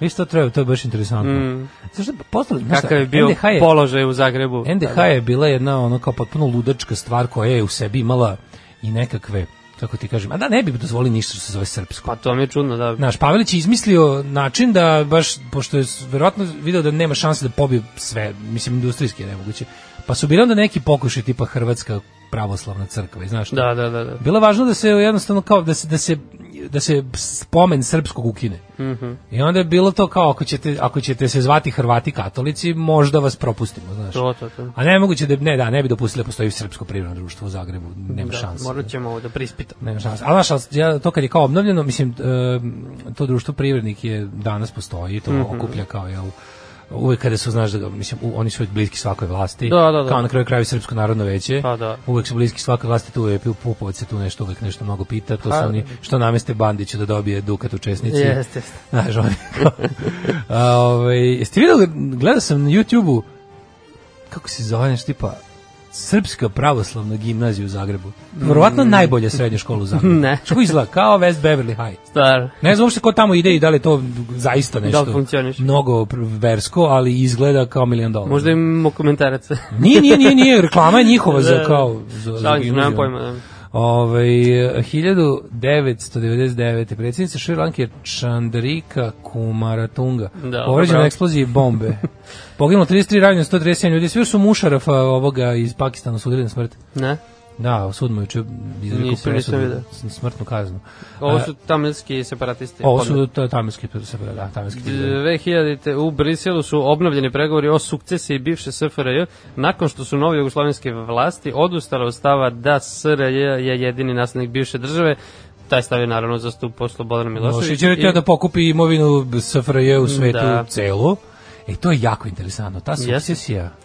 Čekaj, se to zvala, je li to ona Badinterova komisija? Jel su oni bili e, početak toga? Nisam, si- znam za Badinterovu komisiju, mislim da... E, za- To to je bio tamo negde početkom 90-ih. Da. I ona je odredila, Badinterova komisija je valjda odredila šta je po kom će se geografskom i ekonomskom principu razlučiti jel, Jugosla, Jugoslavije, raz, raz, raz, kako bi, rasformirati. To, to. A onda je ovo valjda, a da, s tim što je te odluke te komisije ovim negirao. Mhm. Nešto je prihvatio, nešto nije i onda je tu bilo meni to jako interesantno. To je Vuk strašno. Drašković stalno pominje tu Badinterovu komisiju. Badinterova komisija. Ove, I onda su te mislim, to su diplomatsko-konzulna predstavništva, pa onda naše zemlje imala gomilu tih, pošto je Mm. Da, da. imale te razne genekse i ostale naše kompanije, jer je sve bilo državno, nije bilo naš privatno, nego si Jeste. imao te neke eksport, import firme vamo i tamo, pa je to sve Meni je to interesantno kad kažu kao, znaš, kao, znaš, zašto da mi imamo, ne znam, neki, neki stan, znaš, ko ima stan neki jako dobar na Manhattanu, Da, da, kome da, se to to je pripusti, sve, pa se onda to namire za nešto, znaš, kad nek to uzme Slovenija ili Crna Gora, nek dobije, naš, neki, To- naš, Znam da je to bila rasprava oko olimpijskih igara kao da ove Isto, medalje. kome će kao pripasti kome medalje? te- A to to sve računa kao navodno za Srbiju. Da, to su, to su, to su nam prepustile ostale republike. Pa, da, mislim, oni definitivno to neće da svojataju. Ali, na primjer, viš, u, u, u istoriji Hrvat, povijesti hrvatskog športa ima Mislim, znaš Kad su kako, pojedinačno To osvajali. je bre, ma ne, nego to je kako kome odgovara. Pa, To je kako kome odgovara. Yes, to je jest. bilo ono, Znaš, bez problema će da svojataju uspehe iz doba Jugoslavije ako za bilo koji način mogu povezati sa... pa jest. Um, pa onda ovako 2003. 2003. Skupština Kosova usvojila je u načelu zakon o saradnji s tribunalom u Hagu. A istog dana Haški tribunal je osudio bosanskog Srbina Dragana Nikolića Ne, Jenki. to je Jenkija. Da, Jenki dobio 23 godine 20 zatvora. godine zatvora. Da, zločin muslimanskim da. zarobljenicima u logoru Sušica kod Vlasenice. Bio komandant u letu 92. Znaš kad si komandant logora? To je valjda... Pa jedno, Ne, to je valjda... najnečasnije Mislim koja stvari. postoji titula ovako da, da, da ti nekog, da, znaš, šta je gore za vizit kartu od komandant logora? pa dobro to. Ja ne mogu da ništa Pa bi se to stavio. Ja im i 2006. Izvoli. U u Ujedinjenim Arapskim Emiratima su održani prvi izbori od osnivanja te zemlje. U koje godine? 2006. 2006. Šta smo mi tamo birali? ne znam. Mislim, šta se bira u apsolutističku A monarhiju? koji od sedam Emirata će biti... Aha, kao malo. pojma, a možda su imali neke kao... Pa to možda... Lokalne, nešto da se odabere. Pa tako se kreće, uglavnom se tako kreće slaka. I već 2863. to će biti onako Srbija 1990. Da, pa će onda i žene da dobije pravo glasa. Pa nećemo preterivati, to ne u ovom milenijumu. Slušamo Hot Hot Hit i Bandages. A na na na na na na, bili su ovo Hot Hot Hit i pesma Bandages. Bio veliki hit na onom kanalu MTV2, ne znam jesi ti sećaš to kad je tamo negde bilo početkom 21. stoljeća kad se pojavio MTV2, kako smo bili srećni čovječe. Da, da, na sad MTV mislim tu više niko ne gleda ono. Ovaj, em, pa kaže ovako, Jel ima demantija neki? Ovaj e, brzina zvuka je oko 340 metara u sekundi, tako da auto mora ići negde više od 1200 km na sat. Pa dobro da piše preko 1000, sad to može biti 1500, nemam pojma. E, kaže ovako, dan zahvalnosti slavi pobedu lično nad kolektivnom imovinom, lično imovinu nad raspadom zajednički, bolje da nisi pitao. Mm -hmm. Đole pojasni peti četvrtak u mesecu, ovo meni sad pojasnio. Da, Može, da, da. Ako je, Pa, ako je prvi koji dan, u mesecu četvrtak, Ako je prvi ili drugi, znači samo ako nije februar, naravno, može biti... ne, pe- ne, biće- govorimo konkretno o novembru koji ima Aha, 30 novembar je dana. 30, znači ako je prvi ili drugi u mesecu četvrtak, onda će vam biti I prvi, 29. 8, 15, 22, 29 četvrtci. Jeste, vidiš. Vrlo jednostavno. Bravo. A, zar nije Bata Kan Kan poslednji od tih kan, kanova? Zašto svi govore deci za novu godinu, niko ne spomenje reprizu? Slušaj, on kaže, da se promeni ime emisiju Daško, Daško i Mlađani. Mlađani. Daško i Mlađani. E, ovo jako dobro. Može Slušajte, da alarm sa. Daškom i Mlađanim. da, da. Mm, a, kaže, u moje vreme su bili Daško i Mlađa, a ne ovo danas. E, Znao se. Dale, hvala za red key, otpale mi obrve. Dobro jutro, cisato kamionđije. Ovaj, uh, Retki Mlađa- ovi juče što su bili. Redki da, što znači, da, volim kad vam provalim nešto novo, Mm. a dobro, pa se onda isečemo svi zajedno. E, mlađe možda ostane kod kuće do daljnjeg. E, e, da, Fehmir se ubio 2010. Da, to- to U je- stanu na Zvezdari u Beogradu u kojem živo sve vreme. I pađi, ja ovo, ja ovo čujem gotovo svake godine. I svake godine se iznova zabezeknem i svake godine se setim da sam ja to zapravo znao i zaboravio. Da, još strašnije A Znaš da. zašto?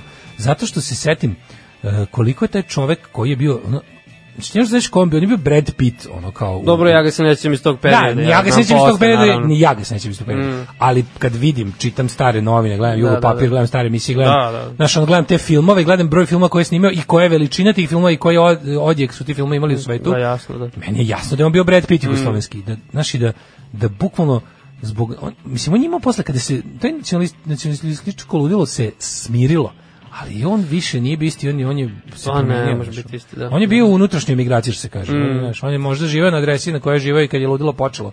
Ali više nije bio isti čovjek i sad što je opisao, napisao tu knjigu To koja je ono, 2010. da. do 2010. kada više ono, mislim, to A je... posle je izašla biografija, posle njegove smrti je izašla. Blistavo i strašno, biografija. da, u dva dela. U, Ulix, da. Um, kaže ovako. Da, ovaj, na Zvezdari, u bulevaru je živeo. Mhm. Kaže, ovaj, u, u istoj zgradi živi kriminalac Šljuka. A i Žarko Obradović. A, ja. SPS-ovski ministar. bolje bolje. da. Da. Čudan komšiluk neki. Ove, uvek MTV, nikad IDJ TV. Uh, Sisati kamionđe je verovatno najsmešniji nik, nadam se da nije tačan. Jeste, Ove, dobro. hoćemo da vidimo kome su rođendani danas. Ajde. Ovo što ti je počneš. 1856. kod mene najstariji. 1845. Ah, pobedio si. Pašić. Rođen. A, Nikola Pašić.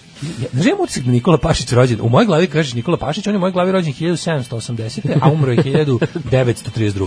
Pa umro je 26. ja mislim. Pa znam, u mojoj glavi Nikola Pašić živeo dve kipo i ono kao pačao se u sve živo od mm. vremena kad je, znaš kako, u mojoj glavi Nikola Pašić od trenutka kad je ono, Prvo srpsko ustav. Od kad je Paša predoključio Beograda dok, dok Hitler nije ono... Pa dobro, da, uvek je bio neki Pašić. Znam, da. da neki Pašić. Da, da, Pašić. I onda mi da u mojoj glavi je to sve kao doba Nikole Pašića. Da, da, da, da, da. nije, ali. da, da, rođen da, 95. srpski, pa potom i jugoslovenski političar. Pa jeste, Predsjednik vlade Kraljevine, osnivači vođe Narodne radikalne stranke. 1856. Joseph John Thompson, engleski fizičar, dobitnik Nobelove nagrade za fiziku. Ja znam samo John Thompson Bukake i German Goo Girls. Ovaj, J.J. čuveni- Thompson. e, ne, John Thompson Bukaki, Bukaki 666, čuveni nemački serijal, e, 1863. Franz Ferdinand, Yes. yes. frontman grupe škotske, Da, škotskog škotskog benda. indie rock benda. Austrijski nadvojvoda ubijen u atentatu 1914. u Sarajevu. Archduke. Da. Au, jesi nekad vidio gruzijsku azbuku? Gruzijsku azbuku. Apsolutno. Gruzijska azbuka liči na indonežanska slova. A pa video sam, da, znam, znam. Kad napišu nešto misliš da je ono... Što sad to ti palo? Pa zato što je na današnji dan rođen gospodin Josif Visarionović Džugašvili. Jel ja, zašto ja nemam stavljeno ovdje? 1878, zato što je njegov dan rođenja under dispute zbog ono kao njegove konspirative, jer je on prilike sam sebi spalio kad je ono u svojim ra- rano revolucionarskim danima otprilike spalio matični ured u, u, u- Da, da, možda će meni skočiti stavljen neki drugi dan. u mestu gde se radio plus zajeb sa prebacivanjem kalendara sa Mnogi ti ljudi koji novi, su da, da, da. koji su živeli u, u vreme kada je Rusija usvajala novi kalendar imaju a rođeni su u vreme starog kalendara Da, da. su malo imali proizvoljan datum rođenja Pa, kasnije. dobro, to je logično. Ali recimo da se ovo uzima za On je rođen 78, jel? 1878. E, a sledeće godine rođen je Paul Klee, nemačko-švajcarski slikar. Slika, da. To su oni plavi jahači i to. Aha, Paul Klee, da. Izgleda kao, na ovoj slici koju ja imam, izgleda kao mlađe kad se Olindra. Jeste mi stvarno. mogu bi, mogu bi da prođe. 1907. Vlado Šegrt, partizanski komandant, narodni heroj. Aha, ja njega nemam isto, ali zato imam Vilija Branta, 1913. nemački političar. On je bio prvo gradonačelnik eh, zapadnog Berlina, a onda i kancelar zapadne Nemačke. I nisam pojma imao da, njega, da, on, da je Willy Brandt njemu potpuno umetničko ime. da mu je umetničko ime. On je Herbert Ernst Karl Fram. Da, da, da. da Nema da. veze ni s William ni sa Brantom. jeste, jeste. E, ali Ernst, zašto? jesi Znaš ti to zašto? znao? Znao sam, sad se setio. Mu to neko konspirativno ime? Da, on je nešto mm, bežao, kako se ja sećam, u Norveškoj. Aha, on je bio, je an- bio za vreme. Nešto je bilo, da, da, da. I to aktivac neki. ono. Nešto, ne mogu se da setim detalja, ali ima nešto veze sa Norveškom i zbog toga ima ovo, ovo ime. Da, on je bio socijaldemokrat. Mislim, bio Da, da, da. verovatno možda bio levlje u mladosti, ali je bio, Dobro, da, bio je. SPD-ovski SPD, e, gradonačelnik Berlina i pa kasnije kancelar, kancelar. i poznat po tome, jel, što se tamo poklonio kleknu u Čovek getu. koji je apsolutno, ovaj, kako ti kažem, da, poklonio se sen, senima varšavskog geta, Mhm. bez ono, kako ti kažem, zašto je to od njegov čin najveći? Zato što je to bilo prvo ono kao tipa danas na ovom mestu pričamo samo o ovome. To, to, to. Znači, došao sam, došao sam ovde, došao sam ovde pojedem lopatu govana koju sam kao predsjednik države zaslužio, iako, pazi, Iako lično, lično apsolutno. sam radio sve što sam Naravno. mogao da se varšavski geto ne dogodi. Pa, da. E, mislim, po tome je pokazao da je predsjednik Nemačke. Da, da, da. Prvo što je pokazao velik čovek i da će Nemačka biti Pa ono, jeste, on je dosta olabavio odnos, mislim, malo ne, je otopli odnose s istočnom. I, i to, i to je bilo pametno naravno u svakom Da. slučaju pametno biti čovek jedinstva, a drugo što je, znaš, ti meni stvarno pokazao da je predsjednik Nemačke, kao nije došao i rekao, nije došao i rekao, a to su bili ono zli Nemci čiji ja deo nisam bio šta više, dao sam sve od sebe da, Da. rekao ja ovdje dolazim kao predsjednik cele Nemačke koja je cela manje više u trenutku poludela. Mm. I zato ja ovdje moram da budem danas predsjednik tih svih ljudi koji su još uvijek živi, a odgovorni su, ili su bar ako ništa drugo ćutali na veliko zlo. Uh, 1919. je rođen Jure Kaštelan. Kakva, Jure faca, čak. Kaštelan. Kakva faca. Znači, izgleda kao onaj, kako se zove, kako se zove, bože, ovaj uh, glumac, uh, bože, uh, Neki dalmatinski. ne bre, italijanski glumac, ne se znači, jer Marcello ja na njega, Aha, aha, njega mislim. Moguće, da. A, I pošto nemam njega, pa ne vidim kako Da. izgleda. 1922. Rođen Josip Bobi Maroti, hrvatski glumac, on je isto faca. Uh, 1927. Nikola Pantić, srpski geolog, ne znam ništa o njemu. Paleontolog Rudarskog geološkog fakulteta profesor. E, meni tek 43. je jedna velika faca isto. Kit Richards. Yeah! Engleski muzičar, najpoznatiji kao suosnivač, gitarista, pevač grupe Rolling Stones. Apsolutno, čovjek za koga, pazi, on čak kad pogledaš 43. Zbog, znaš šta je meni dobro kod njega, što on kao sinonim za dugovečnost. On realno je, mislim, taj čovjek već 20 godina se o njemu priča kao čoveku koji... Koji je na samrti. Ja, ne, ne, ne, ne, koji nije na samrti, nego kao koji je baš simbol, kao, a on stoji 43. godište, mislim, nije to neka sad duboka starost, 76 dan je to. ali je, zašto je to jeste duboka starost? Zašto nema droge da je nije pojeo? Pa dobro, I on sam kaže, mislim, način na koji on živeo, on je, znaš, on je svakom čoveku koji zdravo jede i džogira ujutru ono, podsjetnik da to rade za džabe. Da, da, da. I da kao, da to nema veze sa, Kao- sa dugovečnošću. da, mislim, on je stvarno po neka vrsta živog, ono, pa ne znam da li to suprotno, da ima, ne- ima ono kao ono memento mori, on je memento vivant, vi, kako Da, da. vivere. Vivere, da. Ovo je prilike, on živećeš kako živećeš ono ako ako ako, ako ti je tako suđeno. Znaš kako kažu, kad menje krv. To. Tako menja krv. Ne, taj men, ne, menja krv. Ja obožavam te legende urbane o njemu. Da, da. Gde je ono kao varijanta, ovaj, kao, pošmrkuje pepeo svoga ćaleta. Znaš, ne tako neke priče. Da, da. 46. E, 46. je Milena Zupančić, slovenačka glumica. Znaš? Dobro je ono, dobar je Steven Spielberg. Da, da, ali znaš ko je Milena Zupančić? Mm, ne. To znaš sigurno. Daj malo. Iz uh, Pod Citation Street, ovaj uh, Berček što glumi kako se zove dečko koji bećava pa Aha, Keva a ona- od Keva od... od djevojke Aha, aha, aha, da, na, jeste. jeste. na kraju završe i oni Da, da, da, da, da, da obeća, dečko je obeća. to A, 46. je rođen Steven. Spielberg, američki filmski reditelj, producent, trostruki dobitnik Oscara, najuspešniji reditelj svih vremena prema prihodu na blagajnama. koji ti je najbolji Spielbergov film? E, ja najviše volim Spielberga iz 80-ih. Znači, Spielberg od 80 do 90 je za mene bukvalno sve dobro što je A snimio. čekaj, ovaj- Malo posle razvodnjava. Ali- lista iz 90. E, pa to je rane 90. Ja, jeste. da. Ali meni recimo, ok, to je jak film, ali ja ne znam da, zašto imam problem u glavi da meni je, meni je Spielberg i ja znam da to njegov film i računamo ga naravno to je on bi to verovatno rekao da mu je životno delo kad bi ti njega lično pitao da izdvoji šta mu je najznačajniji film Da, rekao da, bi to. da. ali ono znaš kao Spielberg je meni ono nemam pojma i ti je Spielberg za mene. Da, meni je na prvom mestu. Ja prvo to pomislim, da. pa onda ovaj kako se zove Empire of the Sun. Aha, aha, pa onda recimo znaš ovaj Dobro, ja volimo i ove njegove malo kasnije sa Tomom Hanksom i to što je radio spašavanje redova Rajana, pa je ovaj Terminal, pa Da, jebote, Spielberg je je spašavanje redova Rajana. Kakav je to film? To su kasnije, da. Kakav je to To film? je čovječe? odlično. to je baš film činilo. mislim ne mnogo kasnije, to je 90. ali Terminal Pa, je prvo, novi.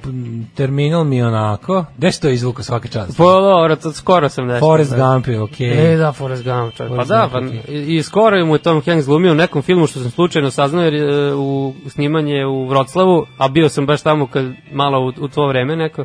I A, Bridge of rekli- Spies. E, da. I to je super film. I onda se e, ovdje je sniman Spielberg. Znaš šta, imam utisak da Spielberg u poslednjih recimo deseta godina malo e, to mi se isto dopada. Opet je počeo da snima, snima tih nekoliko kao velikih, što meni Mhm. nije bilo interesantno. Svi oni, meni nisu bili, se zvao, se zvao ovaj Artificial Intelligence. Mm Je to Spielberg? Mislim Jeste. da da. ti neki veliki, tako ti... Pa i Jurassic Park, bože, iz 90-ih. to je ti bio veliki hit. što svetle plavo, ono naučno fantastično, meni to nije bilo interesantno, ali mi je dobar Spielberg što u poslednjih recimo 10 godina snima te malo manje pretencijozne, malo manje megalomanske. Mislim, sve što on radi je skupo. Bridge Mm. of Spies je ono blockbuster. Da, da. Ali je po nekako po priči i po, znaš, volim takve. Mm, jeste. Volio bi da nastaviti snima takve filmove. nije loše. Kao dobre priče, znaš. Jest. Uh, 50. Rođen Miroslav Timotijević, srpski istoričar umetnosti. To nemam, ali imam 54. Ray Liotta. To je ovaj lik što glumi i uvek neke krimose, Odvratan psi, psihopate. On je odvratan, on je meni nekako... Jeste, ima te oči nekako. A mislim, Goodfellas je to moj život. Da, Da, da, da. naravno. To, to je mi imao nekako, taj kao zli lepotan. Mm, baš to, baš to. Znaš, kao zli lepotan, kao lik koji se kao devojka se zaljubila u njegove lepe oči, on ne zna da je ono, da on mora da prebije ženu svaki dan. Baš Inače će da. se razboleti. Ono, Da. znaš. E, sad Nije takav čovjek, samo glumi takve likove. pomenio si ovo gospodina. E, vidi ga. 63. godište, Brad Pitt. Brad Pitt. Američki backing pack. William Bradley. William Bradley Pitt. William Bradley Pitt. Zvali su ga američki backing Jesi pack. gledao ovaj novi Tarantino? Da, odličan. je. Ja, moram pogledati, moram ono, pogledati. Znaš kakav to frajer? Što to stvarno nije u redu? Gledao Tarantino ili Brad Pitt?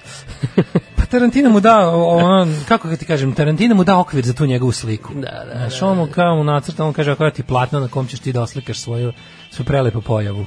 Znaš kakva je faca u filmu? Znači, gledaš i kažeš, evo jebem ti.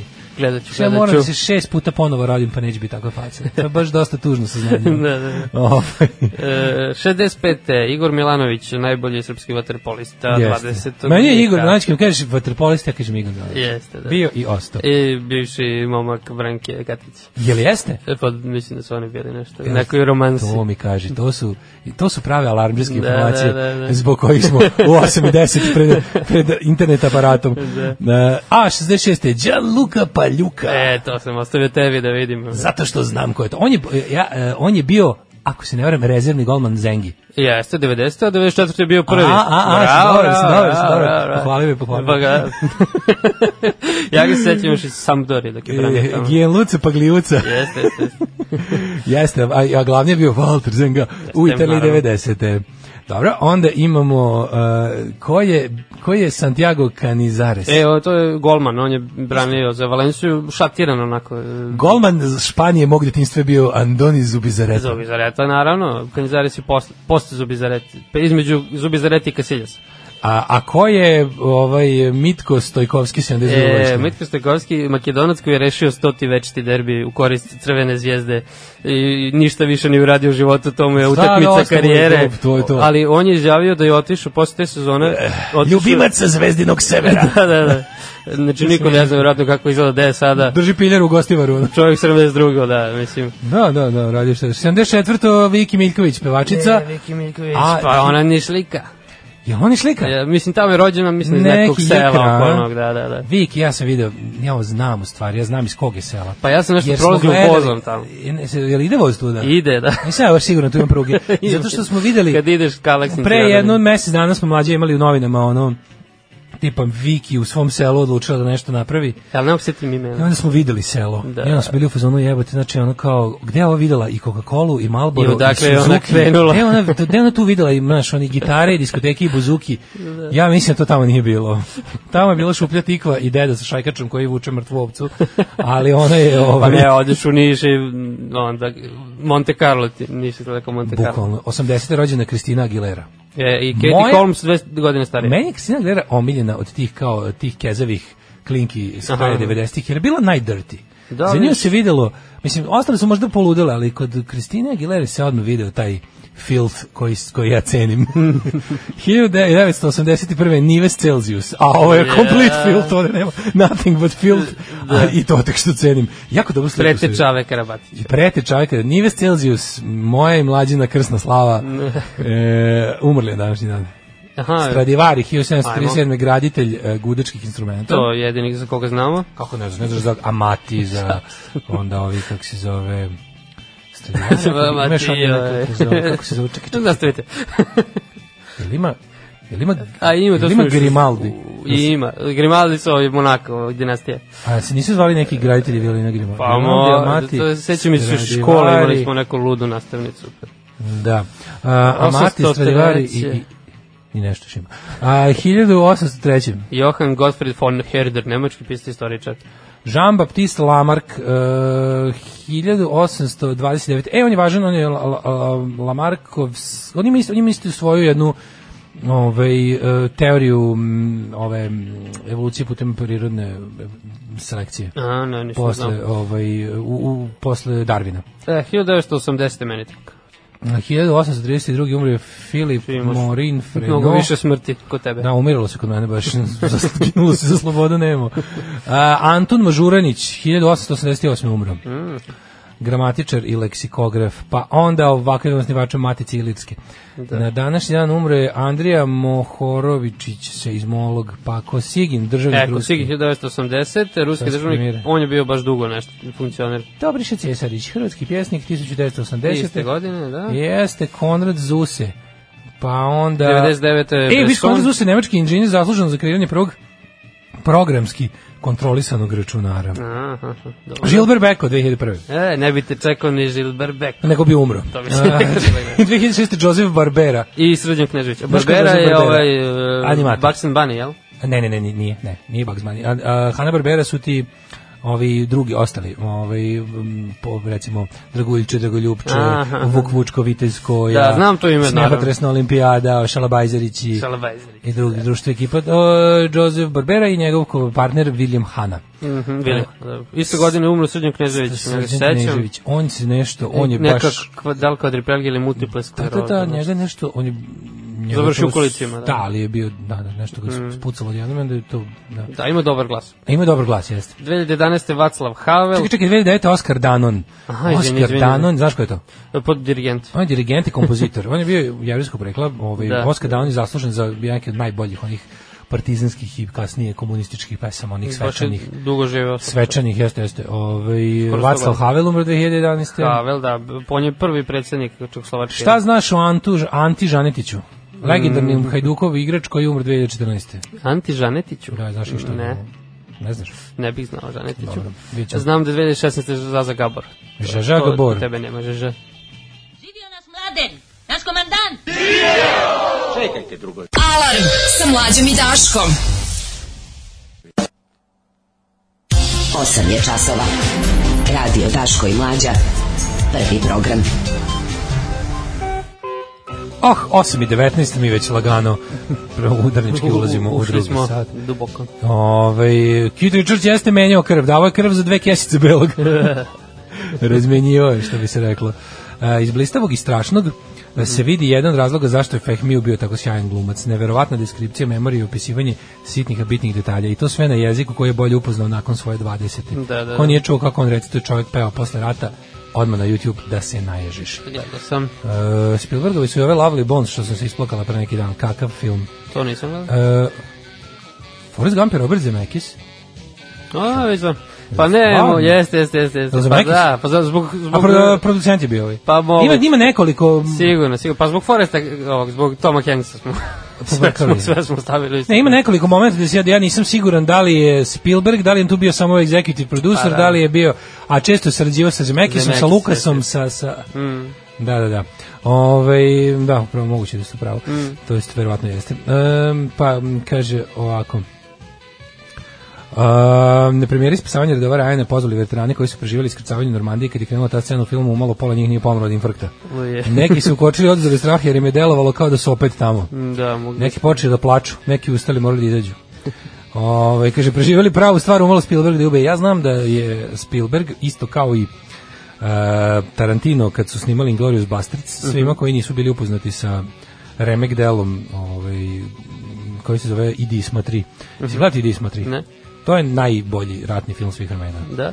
Uh, to je jedan film uh, sovjetski iz 1986. prevedeno kao Come and See ili, ili Aha, vidi, dođi vidi. 86, dobro. Dođi vidi, Efrem Klimov se zove uh, režiser koji posle tog filma sto prestao da se bavi filmom. To je onako skoro trosatni jedan ono ep o užasu nacističke okupacije u Belorusiji. Aha, Belorusija. To moraš dobro, gledati, dobro, znači to, to ne, nevjerojatno nisi gledao. Znači, idi smo Nisam. tri, mislim da ima na YouTubeu sa sve srpskim titlovima dobrim. Aha, dobrim, ako ne može da se skine po tim našim ili ruskim torrent sajtovima. To je To, apsolutno to, to, to je to je na primjer film um, koji je su svi glavni glumci kod Tarantina u njegovom onom ratnom Inglourious Basterds koji, koji je izmišljotina. ali- Da, da, naravno. Ali svakako je kao to je recimo Tarantino jedan omiljenih film u životu, Mm, može čak i omiljeni. Pa onda Spielberg isto rekao ovima svima koji su se spremili kao tipa hoću hoću- Pogledajte to. Aha. ovo kao neće biti klasičan hollywoodski film što sad snimamo, a za inspiraciju pogledajte ovaj film. To je scena kada SS divizija ubija selo. To je, Mhm. mislim, to je nešto onako, posle 15 minuta gledaš u plafon. Da.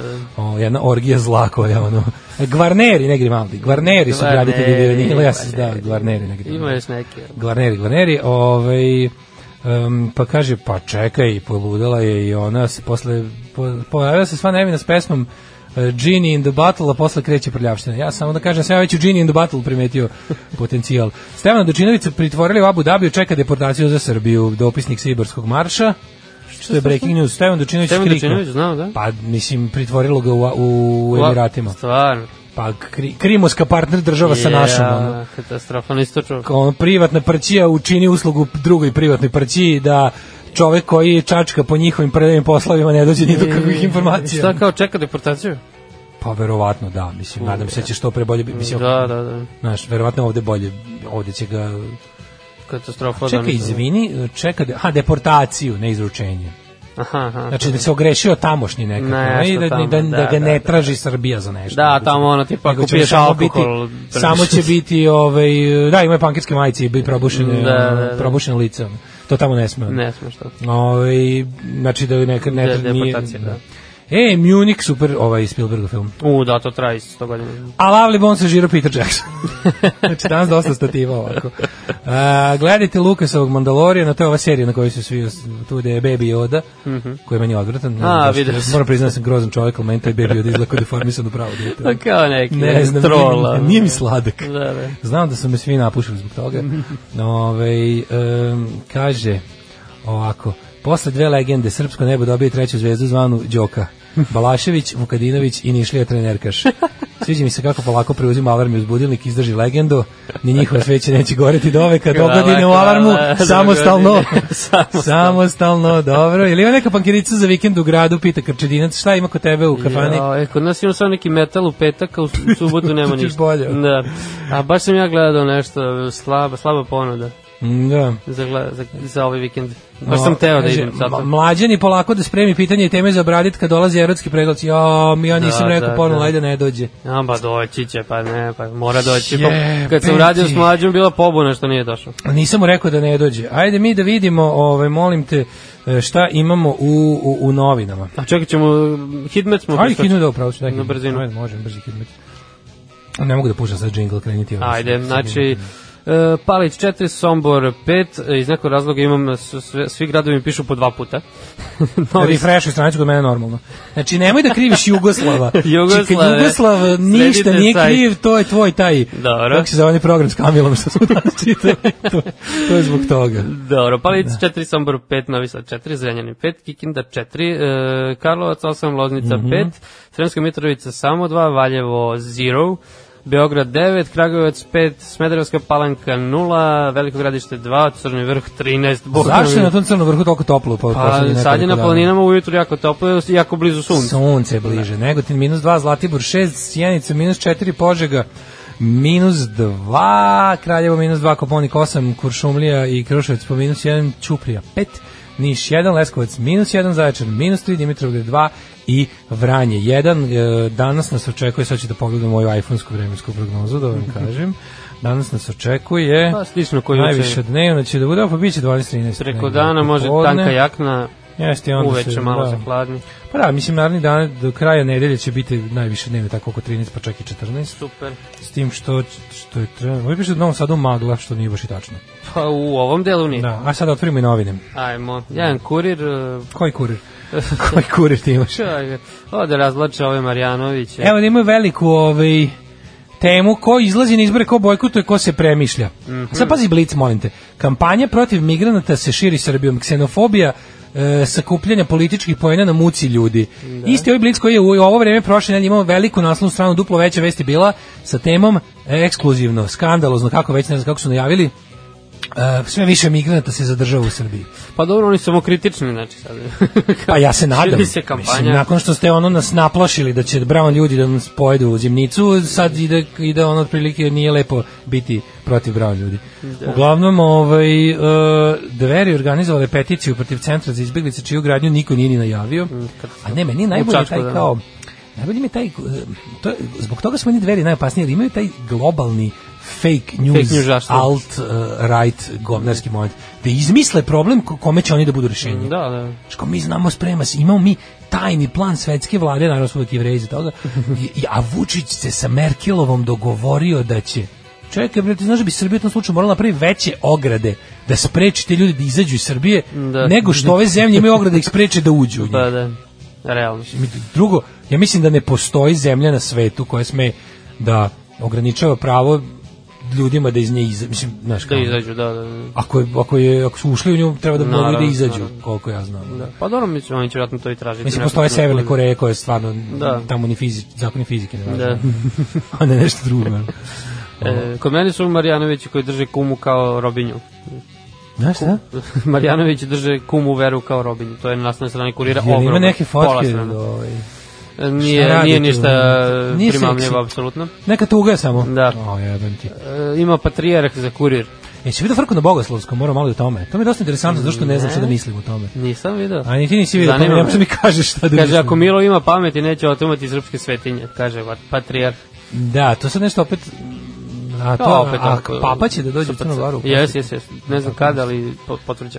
Novi skandal na suđenju direktora namenske juče nisu bili, nije vuglio radnike da ga podržavaju. A ček sad su izmestili oni, kao i za jutku, jel? Nije više tamo. A, Bilo je u Ivanjici. A ne, u stvari, da, sad ovaj ne dovodi samo. Ne, da. nego samo nije doveo, Da, ali je da, da. stigao da ispane govno. Jel? Sve snimak. Ne. Se dere tamo na one ljude. Ne, Kad ulazi u kola službeno. Pa drao se na... na... nisam, nisam. nisam. Ove, da. Da, katastrofa. Idemo sada, pazi. Sad je jedan revolucionarni blok koji se sastoji od jednog od jačih ovaj, naših stingera, praćen revolucionarnom pesmom grupe Baboon Show.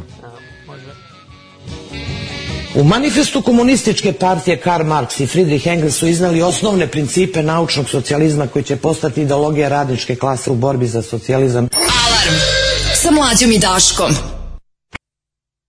Privatni fakultet za studiranje menadžmenta u medijima i medije u menadžmentu. Dr. Archibald Šiz upisuje studente u novu 2017-2023. godinu i garantuje brzo završavanje svim studentima. Studiranje po najnovijem sistemu Luftinspektor 2000. Garantujemo skripte ne veće od 15 kucanih strana fontom 17. Boldumano. Budite moderni. Budite Šiz. Budite šiz. Archibald šiz. Fakultet za studiranje. A, ovo su bili Late 3 i ovaj Golub Dinko, pre toga smo slušali Baboon Show, za vas koji još niste upoznati sa likom i delom našeg omiljenog švedskog benda. Kaže, kakva muzika, koja je to stvar, želim slušati ceo. Uh, Dan Same Old Story, Baboon Show s albuma Radio Rebelde, kaže, dok mlađe se ne vrati, krenuće revolucija. Uh, malo za ne zaobiđete izložbu o aferama opozicije koja je bila u domu omladine u režiji Šizofrenog Vesića i debila Lava Pajkića. E, nisam to Studio B, vidio. lepo. Što uopšte nije stiglo do nas ovde? Ne, Da, to, to kako znaju to? samo stari Beograđani, poput Vlaškog maga. Skara Burme romantičara stara. Jer Znaš već kako, kako se primio na beogradske teme, znači skače, postaje glavni opozicionar tamo revolucionar. Znači ja, ja ne znam da li ima da li sastavio dva meseca ili ili ima dva meseca. Dovoljno, dovoljno. To je već, znači, u brine da li ima trole 28, pešači nisu maratonci. Pa juče bio protest. Ne, ne, radovanje, znači ne može. To je, za mene tu stvari nekako logično. Ja sutra da se preselim u, u, u ne znam, u, u Turku, u, u Finskoj i tamo da krene neko da prekopava park, ja bi se odmah prebacio na tu borbu. Pa naravno. Pa. Mislim, tamo gde živiš, tamo se boriš, Logično. tako. Ne daš ono što ti ovaj, deluješ, kako se, buniš se globalno, Deluješ. praviš sranje lokalno. Da. Dočinjević trebalo da priča o korupciji na konvenciji Jedinih nacija. The more they abuse us, the more we sing red. Mislim, ko, kako ti kažem, konvencije Ujedinjenih nacija koje se održavaju u ono Ue. polušerijetskim despotijama, hvala lepo. Mislim. Da, mislim, baš čudno. Znači, meni inače to kao, mislim, Ujedinjene nacije moraju, ali dobro kao oni, znaš, ti znaš kad su oni pravili uh, deklaraciju o, o ljudskim pravima, koliko to treba usaglašavati. Da, da, da. Što je ono, ne po, da bi deklaracija ljudskih prava počeo se piše u lupam se nešto tipu jesen 45 predstavljeno je 47 8 ono. Da, da, da. Znači to dok su dok su se složili šta je naj nešto što može da vredi za ljudski život i vrednost njegovu i kako on treba da izgleda. Šta je ljudsko pravo? ono šta je ljudsko dostojanstvo? Da. ne može religije ne daju. Mm. religije ne daju razumeš? I ti sad ono kao progresivniji delovi sveta su morali da se usklade sa budalama po ono kao Pa morali su, pogotovo u to vreme, mislim, zato što- pritom, znaš, pritom ne mislim samo na što bi neko pomislio kao ah kao tu su nekakvi Arapi i on ne znam Da, da, ono, da, da. zatucani muslimani Tu- ne tu su pravili problemi radikalni jevreji tu su pravili probleme radikalni I katolici i katolici. znači u ono vreme katolici najviše Mhm. da je ono kao da je trebalo se trebalo je da se dogovoriti sa svima njima znači su ljudi te naprave šta su ljudska šta je ono što svako čim se rodio ima pravo. Da, da. I su rekli, ne kao, oni su rekli, pa jebi ga, da vidimo kako se rodio, se rodio kao žena ili muškarac pa da razgovaram. Pa kao, pa nema veze. A, ima veze. Ima veze, nemojte mi, nema veze. Znaš, tako da ono, znaš, uvijek mi je interesantno kad nešto kao, a sada ćemo, ne, i da vidimo šta o tome misli predsjednik Saudijske Arabije. Boli me dupe šta misli predsjednik Saudijske Arabije. Ove, Isto žalimo urednik Krika Dečinovića, Stevan da. Dečinović pre, pritvoren u Jedinim Arabskim Emiratima u Abu Dabiju, čeka deportaciju za Srbiju objavljeno na Twitteru. Uh, Drew Sullivan, urednik projekta za istraživanje kriminala i korupcije od CCRP, Dečinović u Abu Dhabi trebalo da govori na konvenciji Ujedinjenih nacija o korupciji. Zanimljivo baš. Ko je to šamarčina, ono, i u Jedinim nacijama i kako je Sullivan objavio na Twitteru da Činić ispraćen do gejta na aerodromu Abu Dhabiju da čeka let za Srbiju. Dobro, to nije... Ali to je kao da odeš u Vatikan da pričaš o pedofiliji, mislim, da ima konvenciju o pedofiliji baš tamo. Da, tamo je pravi, da. da, da, da. Mislim, mislim, ono kao, ali stvarno, kad pogledaš, mislim, nekako, ajde što je to je što se rekao, što je ono, Ujedinjeni Arapski Emirati jesu polušerijetska država, Da, jesu skroz da, da. kao Saudijska Arabija, Mm. zbog toga što ono, kao im treba malo više Malo stranog prisustva, jes. malo su otvoreniji, jer im treba kinte strane, Mm. samo za, ali samo i jedino da zato. manji, da mogu, da. bili bi full, ono, full šesti vek da mogu. Verovatno. Ali je, ovaj, znaš, i sad kao, o, o, tamo praviti kome, mislim, korupcija je prirodni Korupcija je prirodni saveznik takvog jednog društva. Pa, sistema, da. Mislim, gde, gde, gde ono kao moć, da je might is right, onda je i, i korupcija prihvatljiva. E, kaže, prema rečima urednika, uredniku Krika rečeno da se nalazi na nekakvoj listi. Kojoj listi? Na guest listi. ono. Krik je Na listi za da pretvaranje. dobro i da se posle zdravlja na aerodromu u Emiratima danas biti vraćan u Srbiju. Dobro, to nije pritvor, sad ispade on neke... To je onaj kao... Pa ima to na A aerodromu. zna, da. videli smo to, svako, mislim, svako zna neko kome se desilo zbog raznih gluposti bude. To je ono što ti rekao terminal. Terminal, e, Terminal, malo, malo je trenutno Tom Hanksu je. Da, da, da. Moguće da će ovaj Možda nestane Srbija. Kao. Moguće da se vrati ovde nestane Srbija kao što Da, da, da. ono kao što kao što i sleduje. I on sad tamo ostane da bude demo E, romantična jadan. komedija. Ne, znači, ovaj vratili su ga nazad, znači pa pesti to. A dobro, to je, da, mislim, to je neki znak, da, mislim... Mislim, koja to može biti lista, ajde se ne lažemo. Pa To može biti lista... poslao njegov je. saveznik Da, odavde. tako je. Tako je. Razni taj, kako se zvao. Majko Milo, oni kad, kad su krenuli da dolaze, oni Abu Bekir i oni, oni, oni kad je krenuo Beograd na vodi, pa kad su krenuli, oni kao iz Pavićeve. možda, Oni Mubadale, ja. Mubadala, Mabudala, Dahlan, Dahlan, e, onaj bez Al- zuba. O, taj najbolji. Onaj Maradona bez zuba. To su ga vodili, da, na Marakanu, da. Kao znaš ti da je to najbogatiji čovjek na Bliskom istoku? Rekao, pa zašto izgleda kao najsiromašniji čovjek na Bliskom istoku? Zašto izgleda kao ono, ne znam, kao mlađe kad se vrati sa smene u Adeku. Da, da, da. Otprilike. O, mislim, znaš taj spisak, ja bih baš volao da, šta znaš, oni ti moraju, stvari ne moraju, ulazak u zemlju je privilegija, oni njemu ne moraju da kažu ništa. Da, da, da. da. Ti znaš da pri Da, oni mogu to, da, da. Ne, ne, mogu. ništa. Znači, Imaju to diskreciono pravo da ti zabrane. pravo, prelazak granice, ulazak u druge zemlje nije ljudsko pravo, Da. nego privilegija i svaka zemlja koja te odalji iz svoje teritorije nije dužna da ti da razloge. Oni su rekli, ti si na nekom spisku, kom spisku šta ti bole dupe. Da. Ali realno jeste to. Zamisli da on, zamisli da on u Abu Dabiju ili da već ide u Dubaju, Mhm. ovaj, da je on tamo održao nek, da je održao svoju PowerPoint prezentaciju. Da, da, da, koliko bi tu bilo ono, pre možda iš tamo letao išao na ono, Da, da. ovaj, uglavnom, znaš koliko bi tu bilo Jeste, jeste, jeste. ono crvenjenja Da, pa mislim, sigurno je ta lista... pod krpom bijelom. Da, ima sigurno još novinara na toj listi. Pa mogu zamisliti, da, da, da. Ne znam što će bi ostali, da li, to, da li je ovaj da li je ovaj koji je izvestio tome tamo. Mhm, mhm, mhm. A, pa to Ovaj, je Mislim, pitanje. ovaj sigurno nema pristup internetu, to je jedna od lepota Da, tog da, aerodromskog da. pritvora. Ovaj dobro, to sad dok ne vidimo šta se dalje dešava, idemo, ovaj, šta, si šta su kod tebe izdvojili kao Pa kod mene ima to za Milovi, valjda imaju pamet, kaže Patriarh Irinej. Odustaće O, od otimanja SPC. Znaš šta je meni tu, a odustaće od otimanja se. Da. Da. Znaš tu priču šta se dešava, kao hoće da stave To traje već neko vreme. Da, kao šta je crnogorska država hoće da stavi Pa šapu a, na ove... Hoće da stavi šapu na, na s- hramove istorijski vražne da ih stavi kao pod zaštitu države. Ne Pod da, zaštitu, ali... da ih stavi, pa ne, da ih stavi pod to da, da Da padaju pod crnogorsku kulturnu baštinu, kako već. To ne, ide. nije to važno, nije to njima važno. Njima je važno da, Hoće da pošto na ne plaća, pošto, znaš šta je fora, fora što ogromne pare. Znači, da. razumem. Pa to. Srpska pravoslavna crkva, recimo samo od Ostroga prihoduje nenormalno. Da, da. I tamo radi stvari koje ne bi smela da radi. Mhm. Odnosno, koristi svoj ekstra pore, o, ek, ono, vano porezovani po, kako se to kaže, ima to neki izraz na engleskom tačno, kada se izuzeti, ta tax exemption. mislim. Aha, da, da, da. koristi taj svoj tax exemption na, na foru religije i ono bavi se sa 66 privrednih grana visoko profitabilnih i sada bi crnogorska država bi da napravi varijantu da pod nekom vrstom ugovora se takve stvari rade da se ne da se oni ne zaklinjaju iza tih, nego da kao država bude upravitelj time kao e, kao kulturnog spomenika. Da, da, da. Znači to je i dalje aktivna crkva srpske pravoslavne crkve. Jasno, Nema jasno, govora da. o nekakvim što ovdje kao lagali da je neće prebaciti u crnogorska Mm. pravoslavna crkva. Ne. To je e, predlog zakona o tim kao verskim slobodama predviđa da država se ume, umeša, odnosno da počne da prihoduje od, e, od tih stvari kao od spomenika, od spomenika Mhm. kulture koji su komercijalni. Da. Ali da to i dalje bude sve što je, sve što je aktivni manastir, da i dalje bude aktivni manastir u kom se Da, vrši dobro, to naravno. obred po potpuno Da, isto. Znači, Samo da se na neki način ugrade ovi. Ba to stavljaju šapu. da, da država uzme nešto. I sad to je bilo, ovaj, naravno da je Srpska pravoslavna crkva i mitropolija Primorska to predstavila kao došao je Milo da nam uzme manastir. Da stavi metu na čelo Vasilija Ostraškog. To je, to je Tako ovaj, bilo, da. Znaš, mislim, oni se, to je nešto što bi, po meni, to je nešto što bi trebalo, mislim, ne, to je teška fantazija, to je nešto što bi Srbija trebalo da uradi. Mislim, Da, da. ako ti izuzimaš Znaš, mislim, ako si ti, ti, ti privređuješ i mlatiš ogromne pare, stalno se vad, va- ono vadeći na, na to da si ti ono služba nevidljivog čoveka na nebu i da zato treba te ono svi gađaju parama, Znaš, a s druge strane od države isto, država isto pomaže crkvu u našoj zemlji, što potpuno Naravno, naravno. I onda kao stalno, meni se U velikim kao pozivaju se na sekularnost u smislu kao nema, pa mislim, ne, ako ćemo sekularnost, onda nema da šta kao crkva da plaća državi. A država ima da plaća crkvi. A, markice. Znaš, i sad ima ta situacija, a s druge strane imamo, ovaj, uh, jesi ti znao, recimo ja to do juče nisam znao, da je, kao koji je odnos bogoslovskog fakulteta i države? Nisam, nisam, evo to... Sada recimo da ne znaš, Da, kako da, bi da. ti opisao šta je bogoslovski fakultet?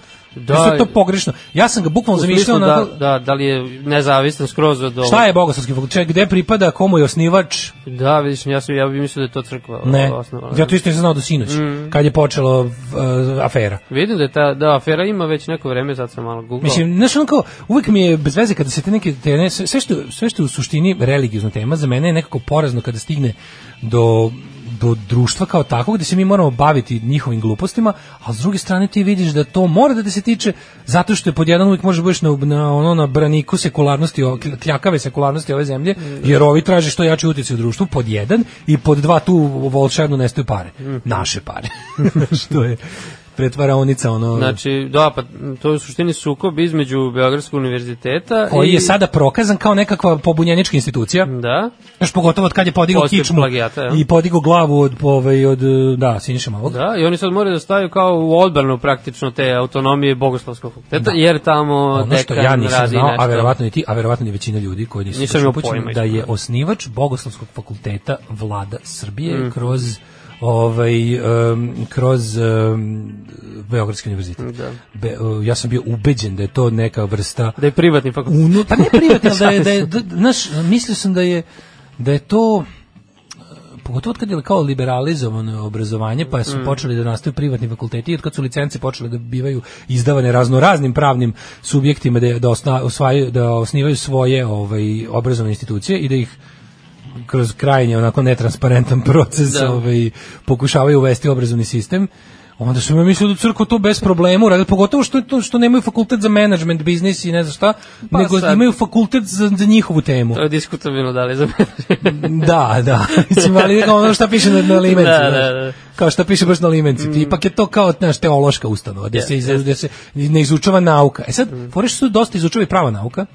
Ti imaš tu pravi naučni predmet. No, no, naravno. Imaš tu ozbiljnih ozbiljnih To istorijskih ozbiljnije od, društvenih- od mnogih, verovatno, pa verujem, da. da se ne Mislim. Recimo, bolje, bolje po tvoje lično obrazovanje je bolje završiti taj nego bilo, skoro bilo koji privatni Sigurno, sigurno. neki. Ono. Verujem da stekneš bolje obrazovanje. Da. Da. Što sam gledao kakvi tu profesori predaju, znači stvarno ima Imaš likova koji predaju, imaš profesora koji predaju tu su, recimo, Mhm. ono, vanredni profesori na bogoslovskom, a redovni na filozofskom. Da, da, da. Znaš, ne znam, geološkom, lupom, da. ima to. Neverovatno je koliko crkva ulaže u to da, da dobro, Ali dobro, ovaj, to je- nauči svoje to službenike da, da sakrivaju istinu od ostatka sveta. ono, to je.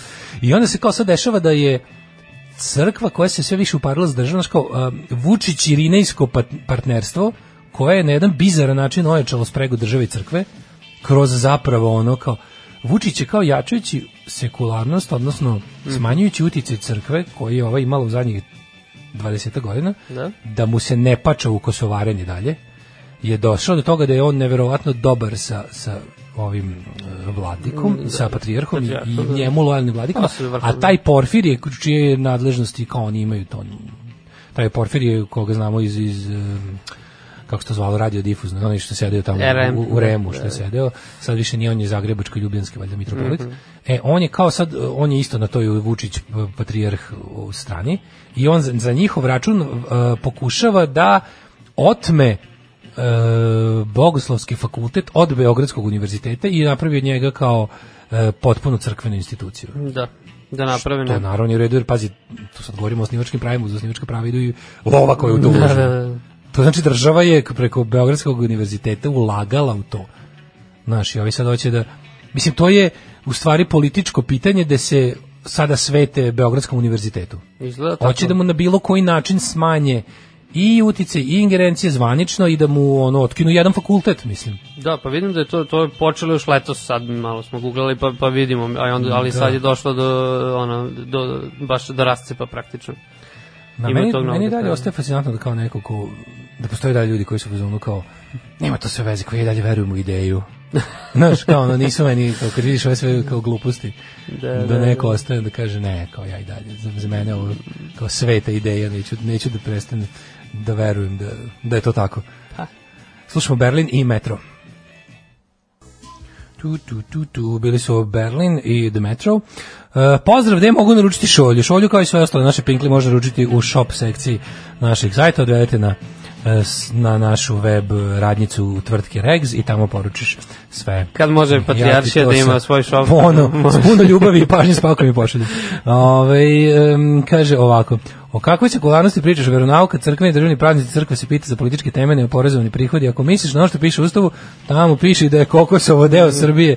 Dobro, postoji ne, način, ono, nominalno sekularnost. Mislim, moraš to, na to se pozivaš kad hoćeš da pokažeš koliko si to, mislim, imaš bolje imati u osnovu imati u ustavu, ustavu, da. ne za nešto što hoćeš da, znaš, Da. da, da, da teraš dalje nego da nemaš. O takvoj sekularnosti, kljakavovi. Ove, e, kaže, Vučić će vam priznati Kosovo, cijepiti se od Rusije i odvojiti državu crkve kako je krenulo. Ove, sećam se da su studenti teološkog vreme posto menze jeli pasulj s kobajom, ali tako što izvade kobaju i pojedu pasulj.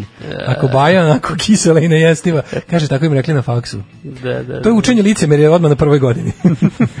Ove, e, smislio sam najbolji poklon za Daška voucher u pravoslavni knjižari u Zmajovini. A. To tamo, da se ja tamo uvek uđem kad prolazim. To je genijalno. Pa ja to, ja, to- meni je to omiljeni izlog u Zmajovini. Ja sam bio u Patrijaršiji u. Beogradu nedavno prvi put. Ja sam kao, vidi, Ti redovno ideš? Pa ne, ja sam, ja sam kao ono um, leptir uh, ka, ka sjelici, ono noćni, onaj, kao mušica ka sjelici, privodi, meni je veliki fascinantno. Da, da, da. Ja, ja, zato je i ono kao, znam toliko o tome jer me užasno zanima. Pa mi je ne, mislim, meni je fascinantno da šta ljudi, šta ljudi ozbiljno shvataju. I po čemu ustrojavaju živote, celo svoje društvo, svoje države, svoje poslove. Da, da, To da. mi je potpuno fascinantno i bit će zauvek. Ove, e, Dragan je ove torbice deportovan iz Kanade i e, divne memorije preneo u arhivatorima. E, liči malo stvarno, sad Kaže, on brkove. tamo ne bi pričao uopšteno o korupciji, pričao bi konkretno izvozu oružja iz Srbije. Ma Da. da. Abi, da bi umrš, u, u, u ovaj, umešanosti vrha države u sve to. Su njega nešto i u Rusiji već uh, čurkirali, to je tako isto nešto, nisu mu dali da uđe u Rusiju, čini mi se. To je moguće, Nešto je bilo, da je Da, tamo ovo isto. prvo, prvo vraćanje sa Da, čini mi se. aerodroma. E, ja bih ove dve teme možda ovaj, nekako povezao. Mhm. Sad Blic koji je uzeo da je opere sebe od prošle nedelje, a verovatno će sledeće nedelje opet biti na tragu migranti, ovo migranti ono. Šta kažu sad? Ogroman sektor lažno vest, vest, izveštavanja, da kažem, lažno izveštavanje, Ej. fake news, fake newsništva, ovaj, otpada na, na gomila tih globalnih prevaran, prevara koje idu i služe za jačanje svetske desnice, Mhm. konzervativnih i raznih uh, ksenofobnih pokreta i, i nazadnih političkih ove ideja se tiču te to je te paranoje belog eh, hrišćanskog muškarca heteroseksualnog da će da ga da je da da, da izumire. Da, pa kao što smo imali u Nemačkoj ono za novu prošlu novu godinu što je bilo kao talas silovanja, ovo ono To su bukvalno potpuno izmišljene su, stvari. da, da. Ti znaš da, znači ti možeš da vidiš da srpskim Twitterom i Facebookom svakodnevno kruže laži o Da, da. silovanjima, o, a uglavnom je silovanje. Silovanje, pokušaj Pljačke, otimanja dece. Dobro, da, pljačke. ima svega. Oni uzmu kako to radi? Znači, ako imaš grupu ljudi, znači kao fakat je da, da, kao da su da postoji migracija iz Azije, Bliskog istoka, Afrike ka Evropi. To je fakat.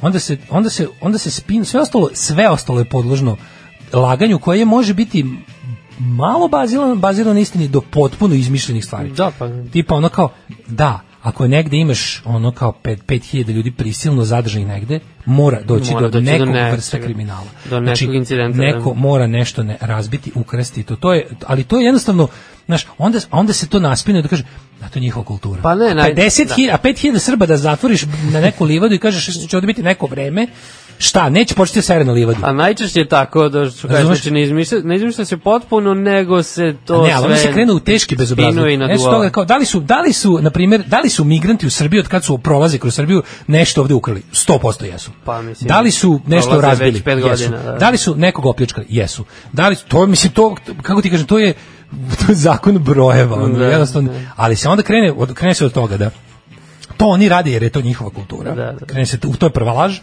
Onda se, kada, kada to ne pije vodu, kada ljudi kažu kao, pa dobro, to su stvari s kojima ćemo preživeti, mislim, ono kao kralo A se, inače nemamo kriminal nikakav. kralo se i, i, i, i, pra, i pljačkalo i lomilo i vandalizovalo i bilo se, ponašalo se tako i pre migranta, e, onda kreće izmišljanje krivičnih dela.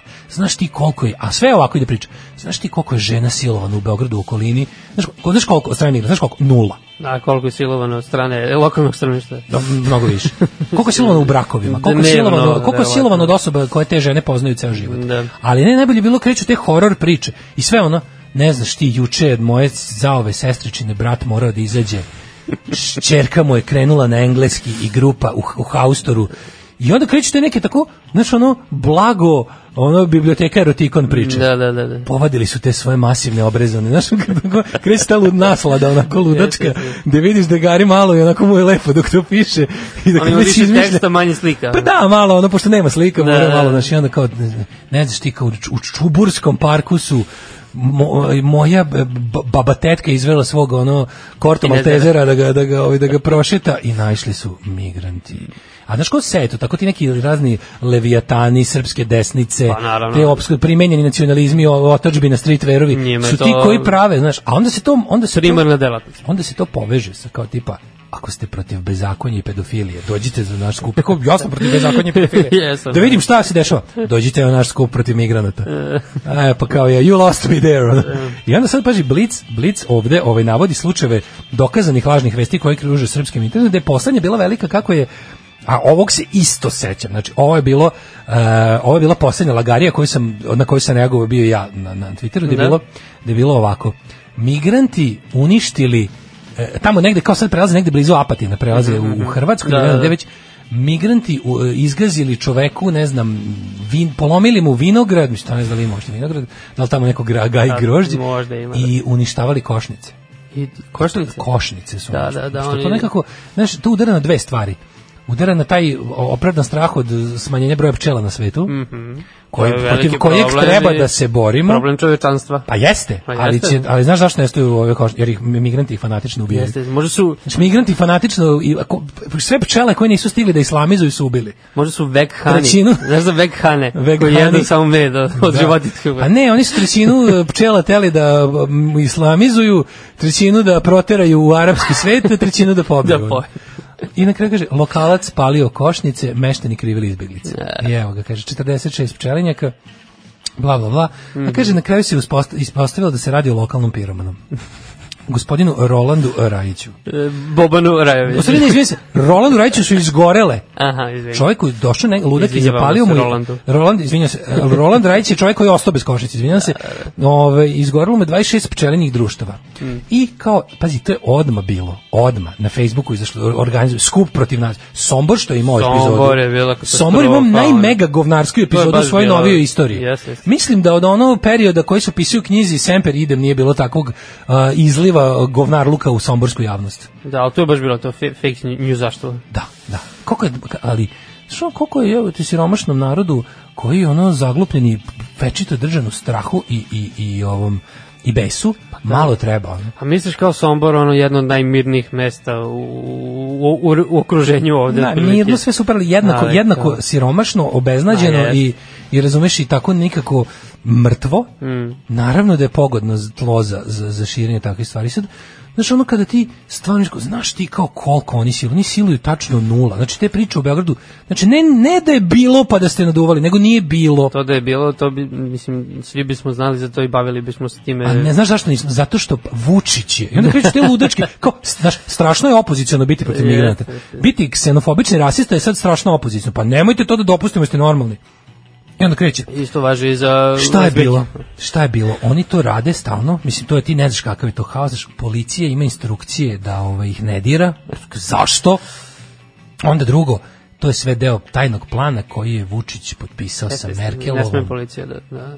I, S tim u vezi, Da. imamo jednu vest. Ajde. Novosadski fake news tragač dodelio nagrade Pinokio medijima koji su u prošle godine, ove godini, najviše ob- obmanjivali javnost. E, E, hvala. Zlatni, srebrni i bronzani Pinokio stiće na adrese Informera, Aloa i Kurira. Ali kako mi imamo svoje, ti primetio kako u, fake news je globalna stvar, ali mi imamo fake news uglavnom na globalnom nivou radi to kao pod, podpiruje ksenofobiju, rasizam, um, kao ide na ruku raznim uh, pretpostavlja se da većinu finansira Kremlj jer je to način destabilizacije zapadnih liberalnih demokratija. Mm, a sad da ne ulazimo, moguće, da. da ne ulazimo u ovaj u teorije zavere, ali jasno da, da ne- nakon nema skoro da nema levičarskog i progresivnog fake newsa. Da. Sve ide na jačanje ovih stvari koje sam rekao. Ksenofobije, rasizma, um, nekakvog ono patriotizma u smislu ono zatva, izolacionizma. Dobro ima i pozicija kod nas svoj fake E, news. ali mi imamo, mi imamo dodatni taj kao e, ovo je kao globalni fake news, Da. ali sad tu postoje lokalizmi neki gde recimo ovaj naša zemlja ima svoje osobenosti gde imamo potpuno jednu to kao informite, tu, tu imamo paralelnu stvarnost. Da. Znaš, to je ne znam koliko se to može recimo porediti sa, sa fake newsom koje stvaraju e, Fox News i, i, i, Da, da, i- da. i ti neki Facebook izvori i, e, izveštavanja Pa ne znam, Trumpovim biračima. Ovde se kaže da je dosta lažnih vesti objavljeno i na javnim servisima, na RTS-u i na RTV-u, Mm, da, na primjer. da, da, da. Blic je isto u top 10-u. Kako naravno, pa mislim, mislim, ja mislim da ovo jedino danas od dnevnih novina nije. Da. Mislim, danas nikad nije svesno objavio. Mm. Ima svojih nekakvih propusta novinarskih, ali ne može se podvesti pod namerno objavljivanje ili, Jeste, naravno. naravno. ne može se čak podvesti ni pod neprofesionalnost, nego baš Da. pod konkretnu grešku, Mm. koja se desi. Dobro, može se desiti, naravno. Da. Da, Crni Pinokio je dodeljen uh, Žiki Šarenici jer je plakirao više od 50 kolumni i tako. Da, inače bilo je mm, proslava rođendana Novosadske novinarske škole, pa evo čestitam ovom prilikom uh, drugaru Zoranu Strikina uh, nagradi za najboljeg mladog novinara. Čestitamo, čestitamo.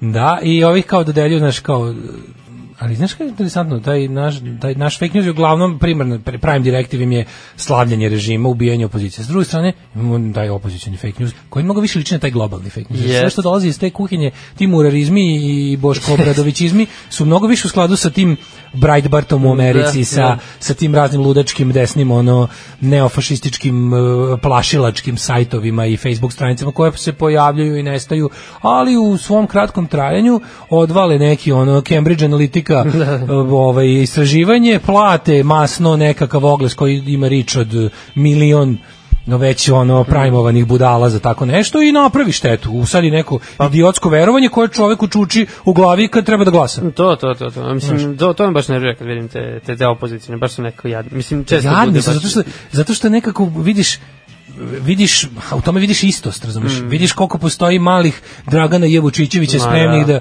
da rade Da to preuzmu. isto. I da, znaš, mislim, moti, mo, ja tačno mogu da zamislim ono, kako ti kažem, nekakvog ono Jeremićevskog Dragana Jevučićevića. Da. To- Mislim to su ti ne, ti nekakve ono ništarije po Twitterima za sad. Jer nemaju jednostavno to im je ono režim im je služio polje, solje- polje borbe, ali tako ti neki operativci iz Zemuna. Znaš tako ti, ti razni likovi, to to stvarno ono Jest, Twitter je baš prepun, prepun toga. ali super, super, mislim, fora što Twitter se samo osakatio i, i, i lišio sam sebe mogućnosti da bude uticajno nekako oružje za oblikovanje društva time što dopušta takve stvari. Pa, da, teško, teško je kontrolisati. Da. Idemo da čujemo Wild Hearts pa ćemo da vidimo nekog grebe na vrata. Aha, to je. 9 je časova. Radio Daško i Mlađa. Prvi program. Opa, upada smo mi u treći sat, to već u 9 i Devet, deset, 11. Evo, 11. neko vezuje konje ispred studija, meni je stvarno... Čuje se, čuje se. O, znaš šta mi je neprijatno? Ja sam zaboravio da mu kažem da mlađe neće doći, pošto mlađe je taj ko njega trpi, znaš. dobro, Mislim, ja u životu, ja kad on dođe, ja ode, meni Ja to, sam isto dosta Meni to- je to grozno. Kažu za mene da sam prilično tolerantan on će sad da padne u nesvijest kad te vidi, vezuje konja ispred, ja ću da...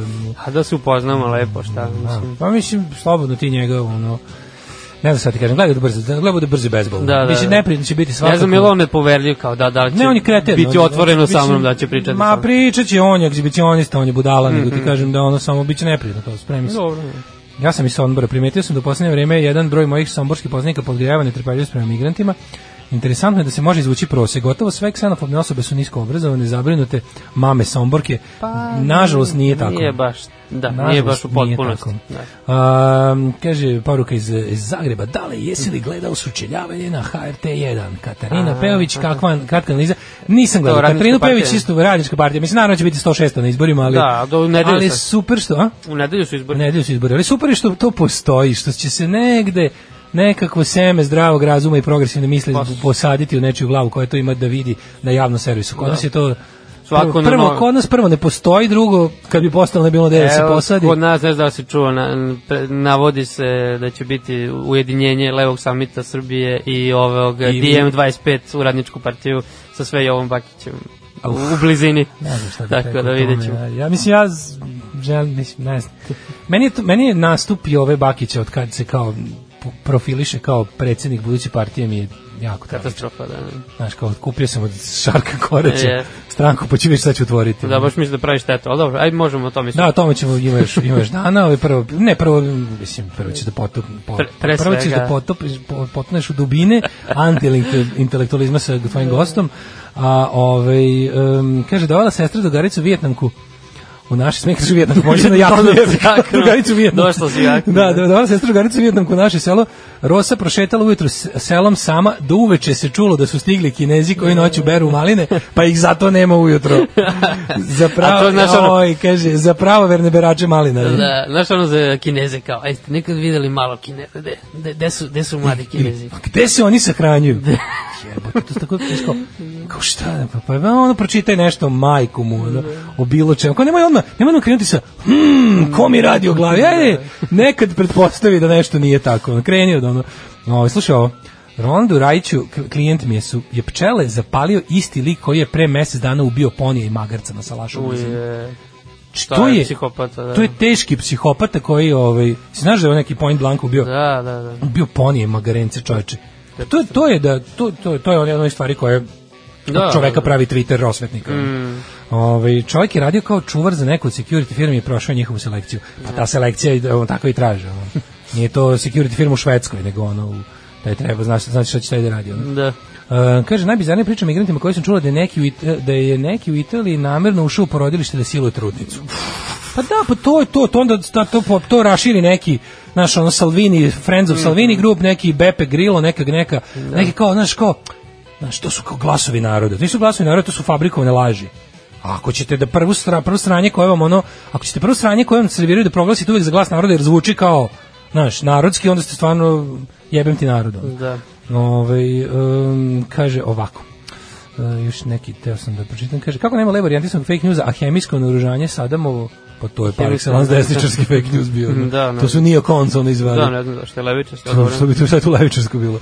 To su izveli ono kao američki republikanci i to najdesnije krilo u, u, u vlasti, takozvani Ja- ja, jastreba. neokons, the, the war hoax, da. Ove, uh, pa ništa, eto sad čujemo dve pesme, pa onda da ti Bogu pomoći. Ajde, ti odmori malo.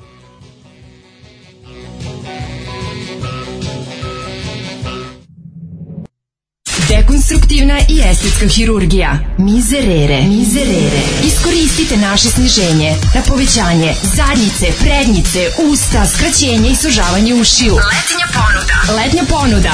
Penis ko na internetu. Mizerere. Mizerere. U mirnom delu starih banovaca. Porno Lala, erotski pregavac, seksualni gigant iz Čantavira. Porno Lala, Guzenbauer za one stvari. Porno Lala. I evo nas nazad u 9.24 sa nama ovde konačno Koji ste gospodin vi, Porno da? Lala. Dobro jutro, Derane, znači da se upoznamo, ja sam Čika Porno Lala. E, vama pravo ime Porno, a Lala prezime ili? Jeste, znači ja sam iz stare čantavirske seksualne pregalačke porodice. A koji ste izvinite što E. moram da budem ovako neprijazan? Ja sam Đorđe, drago mi je. A, ti si pa to. Su vam pričali? O, znam ja tebe, Derane, pa ti si čoveče, pa tebe tvoja reputacija preskače, da ne kažem prethodi. Jeste, pričali su mi, znači ja nikad nisam bio. Znači, on je jedan, znaš, E, da po dobrom, po dobrom. Ima jedan što voli pa ode, a za ovog drugog sam čuo da se razdožio, pa mu čestitam. Jeste, ovaj visoki. Ćora, ne? Da je, da je jebendisu, znaš. Je, Da bar je, dva put. Bar dva put, znači bio ja vodim u tefteriju sam ga, bilo je već jednom sam ja. Da, a da. tad sam bio, znaš, nije mi javio i drugi put ja, nisu mi sad ništa javili, pa sam došao. Za čas. Došao sam ovde da čast, ne znam, će biti nešto.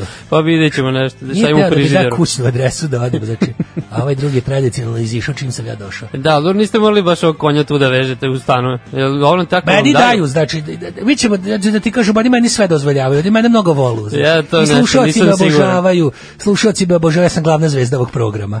Znači, to je, A ja vidim vidjet nešto. ćeš sad da ćeš vidjeti Da, kako da, će da. skočiti slušavanost. To je da meni inače meni daju da ga vežemo da za frižider. Da, da ga vežete, Moga šturma. dobro, dobro, da. Sad sam eto tu u hodnik od zgrade napolju. Pa ne, ovo je to što su vam rekli, mislim, inače, ne znam da li znate, uh, njih dvojica su zapravo, kako se to kaže, gay swingeri, ne znam, i jedan i drugi. A kad se to nije? Znaš, što ovaj kad ja Pa dođem, da, ovaj da, jedan pa ode, da, očito da, da jede. To je, to je, zbog toga. Debeli ode da jede. Tako swinguju. Ne znam da li postoji gay swingerski klub u Čantaveru ili ne. Imali smo, znači mi smo otvoreni za te stvari. Znači mi smo apsolutno otvoreni, mi smo prihvatili, ja, ti znaš da sam ja izučavao snošaš dok se to nije smelo. Slušam ja vas redom, Ja skoro znam da znate, ja, da, da se predstavim ukratko što se Da, da, da, Ja sam pionir. CV. Sivi, život je nekad sivi, nekad žuti, što kaže Bajaga. Ja sam, znači, seksualni pregalac još od ranih 70-ih se to radilo kada je bilo, kad je Tito streljao, mene recimo četiri puta streljao zbog mog seksualnog pregalaštva. Prodavao sam i seksualne knjige u preduzećima u radio sam u elektrosrbo poljoprivrede, pa u jugo roboti, srbo jugo polju robotici sam radio, znači tamo sam bio načelnik od proizvodnje erotskih robota, prodavao knjige figure Veneris, akvizitor sam bio. I onda, znači, početkom 90-ih dolazim do otkrivanjem najslobodnijeg od svih slobodnih tržišteva, ja sam odlučio da postanem porno e, pregalac, što se kaže full time. Full time, dobro. Full time i otvorio sam prvi hotline. Mhm. 024 pozivni. Znači, to je bio, br- znači, ja radio sam... Ste vi isto imitirali sve glasove pa ste se javljali na... Pa da- na početku dok mi nije krenuo posao, zvao sam, zamolio sam malo da se da se to ras, glasavao sam u erotskom dodiru, u panerotici, s ekspresu. Onda je krenulo, imao sam taj specijalan sistem, zaradio sam za preko 17 dinara za 14 godina bavljenja Mhm. poslom. A, vaša supruga Zora beše, ako se ne varam. Zora, znači da, Da. žena uvek je bila domaćica, ste- ste kopala nju bunari, džermove. Nju sam upoznao na radio akciji, znači Mhm. kada smo u Tordi pravili zadružni mlin 1900, 1842. još pre nego što se... da, to, pogledi, pogledi su nam se sreli, bila je to čista hemija i fizičko i ove malo je bilo i slobodnih aktivnosti i čosa je bilo, ali hemija uglavnom. I onda sam se, znači tu krenuli se, sarađivo sam da scenariju, da prvi, da kažem, igradim erotskim porno filmovima Sex Majstor i Novosadski pecaruši. Mhm, e, da, da, E, legendarni. Znači, ko to tamo jebe, ljebi uz bunjenog šumadijska porno komedija, karanje u eroteci veče sa slađom. Jeste i radili neke internacionalne ove... Ko, kopro. Ko, kopro, do, Radio sam koprodukcije, bio jedan Njemac koji je volao to kopro. Kopro, da radimo aha. I onda je on bi nama jel to točio, a mi bismo jel kod stari, to je Steva Koprofagov njegov. Steva Koprofagov stari Da, kopro, čuveni, da, koji je prve te nositelj. koprodukcije radio, znači mi bismo se svi sakupili kod Đerma ujutru, kod Gazda Nemanje bismo otišli na jednu kafu da nas protera i onda bismo snimali, bilo je, kaže mi, koprodukcija. I tako uvodio sam, legenda sam, uvodio sam prve, da kažem dani ludog snošaja, to je Da, da, da. Ove, ali međutim najbolje mi je krenulo od kad sam se 2014. učlanio u Srpsku naprednačku stranku. 2014. tek? Jeste, ja sam znači ovaj Niste u prvom talasu. pa kako da kažem, ja volim da proverim, Mhm. znate, jer ja kad dajem svoju da kažem blanko podršku, ja sam jednostavno takav čovek, opreznik sam jedan veliki. I ovaj od, tad je krenulo, tad je krenulo brže i dublje i jače i čvršće i bolje i i sve ostalo, eto sad sam i neka njuška u selu, tako da Da, je li dalje, Ide, znači, kod jel- trlja. Jeste vi osnovali tu nedavno, tu, kako se zove, u- snu- snušijadu u Čantaveru? Snoša i jada. Da, pa to su bili sklopu, dani, da. dani ludog snošaja su bili prvo, to su bile memorialne orgije za našeg predsjednika prvog, Mhm. kad smo snivali to naše sadomazo društvo Patnja iz Torde, gdje smo se svi, znači, jel, do jedne druge maltretirali za novu godinu ili prvi maj, obično bi se našli, ili srpsku novu godinu tajno smo se mučili i onda je on jednom išao baš na orgije, međutim ne video od ovih sredstava za, za erekaciju ga je satro ga je šinobuz još dok je išao. Međutim, Srpska napredna stranka je ukinula šinobuse, tako da je čak je i, da kažem, vek produžila nama seksualcima, koji odlazimo jel, u te snoševe po ne, neobeleženim pružnim prelazima. tako da im se i zato zafaljivam. I onda su ti, to su bile memorialne orgije u zadružnom domu gdje smo održali, sad je to snoša jade, ušli su i sponzori, Znači, dole ove godine će biti, do- doći će, znači, Gara, Ga- Gara Visoka će nastupiti u revijalnom da. delu, bit će Bilić Vukašidović, doće onda ova Cara Mimi, Ha. Jelena Jeni, Biće baš onako, Zoki Šubadinac, sa njim sam se u pregovorima za Zoka, Fidžonku da napravi. I tako, ako imate neki tema, znači sad kad smo se upoznali, nije problem, ja pustio jednu pesmu da čujem i da Ajde, vidim pa da li su mi moji fanovi pisali, zato što, Da, da, da, možete zato što vi jednostavno vi znate Da, vi jednom ja- nedeljno dođete, znam. jednom nedeljno što kaže grupa Zana. Da. A opet toliko je faneva, moram da iščitam sve. Ajde, ajde, sve pa, SNS pa ćemo poruke. posle da ovaj, imamo par tema zanimljivih za vas. Hoćemo, hoćemo. Porno Lala, erotski pregavac, seksualni gigant iz Čantavira. Porno Lala, Guzenbauer za one stvari. Porno Lala. A što, što ti ova jedna pesma dobra bila svaka E, čast. dobra, sviđa se, ima ti žene što se uzdišu do kraju. Kako, Baš- ka, kakvu vi muziku slušate? Ja slušam, znači, pa volim od Evergreen. Aha, volim, znači, ja, to je taj, tako, znači, te lake note, volim. Moja miljeni pevač je Žarko Dančuo, to svi znaju. Da. Žarko Da. Dančuo, volim još i tako, volim još staricu mladih, sedmoricu, koliko ih se već nakupi. Volim te, znači, volim, te, A volim i... krajišku muziku niste slušali? Ne. Da, pošto čuo sam jedan naš slušalac je poslao da je naučno dokazano da slušanje krajiške muzike utiče na povećanje penisa. Nikad nisam slušao, sam Boga ti pokažem, ako je tako, znači vidit ćeš da u životu nisam to jedan čuo, ako je to istina, znači ovako. Lalo, stari mangupe, pitaj tog Đorđe, jel ga šilji, jel ga šilji? Jel ga Miki šilji, pa i... ja sam čuo da je to zdravo. Da li ga ti šilji? A, da. Pita jel ga šilji. A, Lalo, seksualni kriče, da li je istina da od uboda čela raste Penis se riđe do Apatinu nedavnom. U Apatinu sam išao da, ovaj, da isto tamo imamo, radili smo jedno swingersko veče, gdje smo pravili onako, ovaj, da kažem, ovaj, bilo je za završetak eh, zimske setve smo obeležavali, pa kaže ovako, Lalo Burč kalifa seksualizma, dolazi do crne ljudi koji navodno imaju manji penis od vas da vam odulu titul, da vam oduzmu titulu najboljeg penisa Severne Bačke. To su žutilji. To su žuti ljudi koji će piti vode iz našeg džermaka u starom žedniku. E, kaže, seksi sreda slalovi džokom ovo je za anale. Biće anali kasnije. Biće, biće. Znači, dobro, vidiš, ka, rekao sam ti da će doći preko jedna poruka za Da, mene. da, da. To, je, Da to se divlja, da. znači to se podivlja žene, pita jedna gledalica, slušalica, čitalica, šta je već. Mhm. Kaže, mi žene smo siti laži, stalno nas plaše nekim kuratim Afrikancima, a njih nigde. Znači, ja sam isto uključio boru protiv migranateva, Da. zato što će do, nije dosta da svu, pa da svu boju bedu još da dođe taj sa tim, tim kopljima crnim, koplja crna smrti sam čuo da se zovu.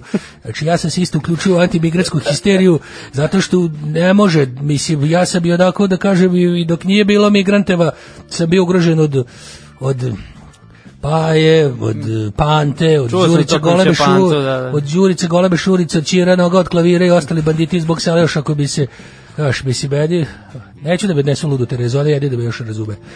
Imate neku temu? Imam jednu zanimljivu temu za vas. E, Kako da reagujete ako vaš partner ponekad nije raspoložen za seks? Pa moji partneri uglavnom nikad nisu raspoloženi sa seks, ali sa mnom. Znači, to je pr- problem koji me plati, prati ceo život. Individu, to je individu- individualna To stvar. znači da bude individualno. Znači, Da, da, da. interesantno je to, to od žene do žene. Recimo žena, to je jako interesantno, to je nauka ubeležila. Mhm. Kaže, nije raspoložen u seks, ja odem, dođe neki drugi čovjek, on je raspoložen za Da, seks. da, da. Neverovatno. Znači, ili dođe dvojice, troje, dođe taj naš migranat i kaže, di je taj veš što vam se savio Da leči migrantsku histeriju. Da, da podupre malo ove, što vam se veš vuče po zemlji na, na štriku, daj da ja poduprem to. I odmah oćedu. A ja pored donosio, znači, i ove, i bam- bambunjere, i, i cveće, meto, i, i sve, a i volela glava. Ali, gospodine Porno, znači ovo je, e, ovde se fokusiraju na e, kad, to kada muškarci nisu raspoloženi za seks, da pa tekst je o nisam, tome. i dešava se i to. Kaže- Kaže, Ste vidio moj zoru nekad? E, nisam vidio, samo sam slušao. Pokažu ti sliku, pa ćeš vidjeti da je ovo tema koja me izuzetno dotiče. Ne, nećeš šiljiti. Koja me dotiče na jedno, na jedno 16 mesta. Me dotiče ova tema. Šta, Kaže kako ovako, da se izvadim?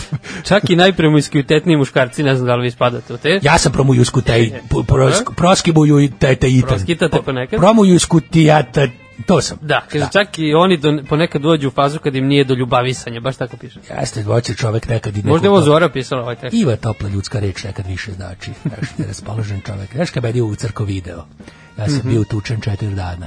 Nije mi bilo ni čega. Ja, ovakva seksualna mašina, večito podmazana puna goriva, sam uzeo da budem tužen. I onda mi je bilo, tako da razumem. Posle razumem četiri da može, dana, da. Može, četiri dana. Seksolozi kažu da nema razloga za brigu i savjetuju ženama da u tim situacijama imaju razumijevanje, tako da možete reći Zori, slobodno. Jeste.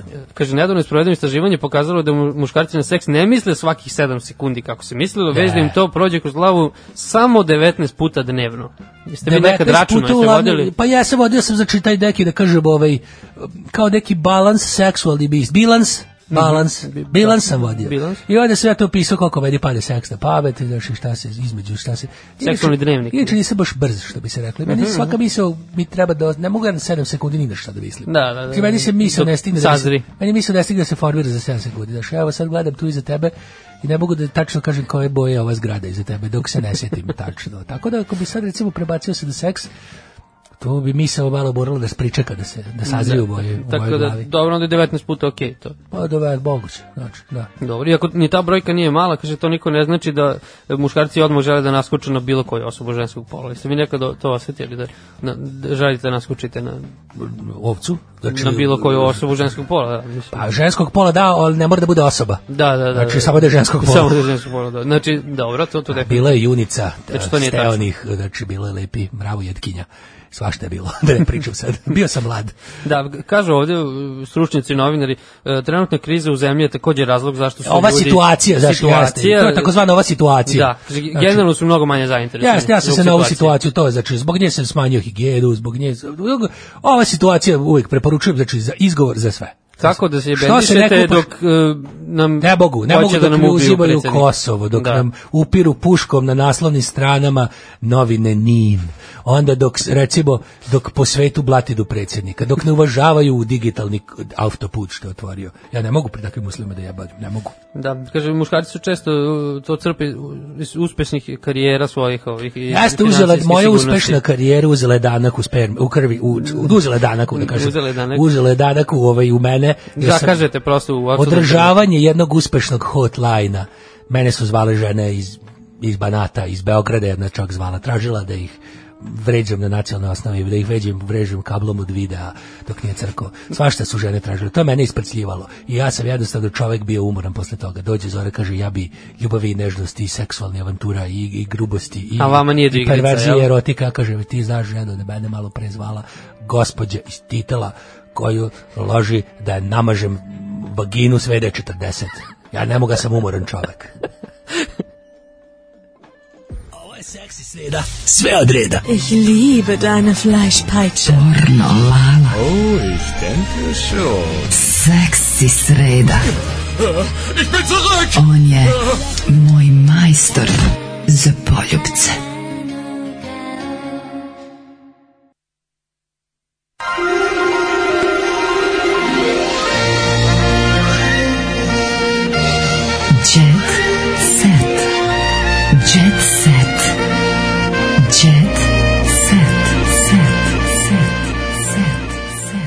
Wow, pa mi stigli do samoga kraja našeg današnjeg druženja, moj prijatelj. Ode Lala, a Čekaj da vidimo, otišao ti ovaj, šta ste pričali, neko napisao? Ovaj, Jel bilo poruka? niko ne pita za mlađu, jel spavao, jel se popišan budio.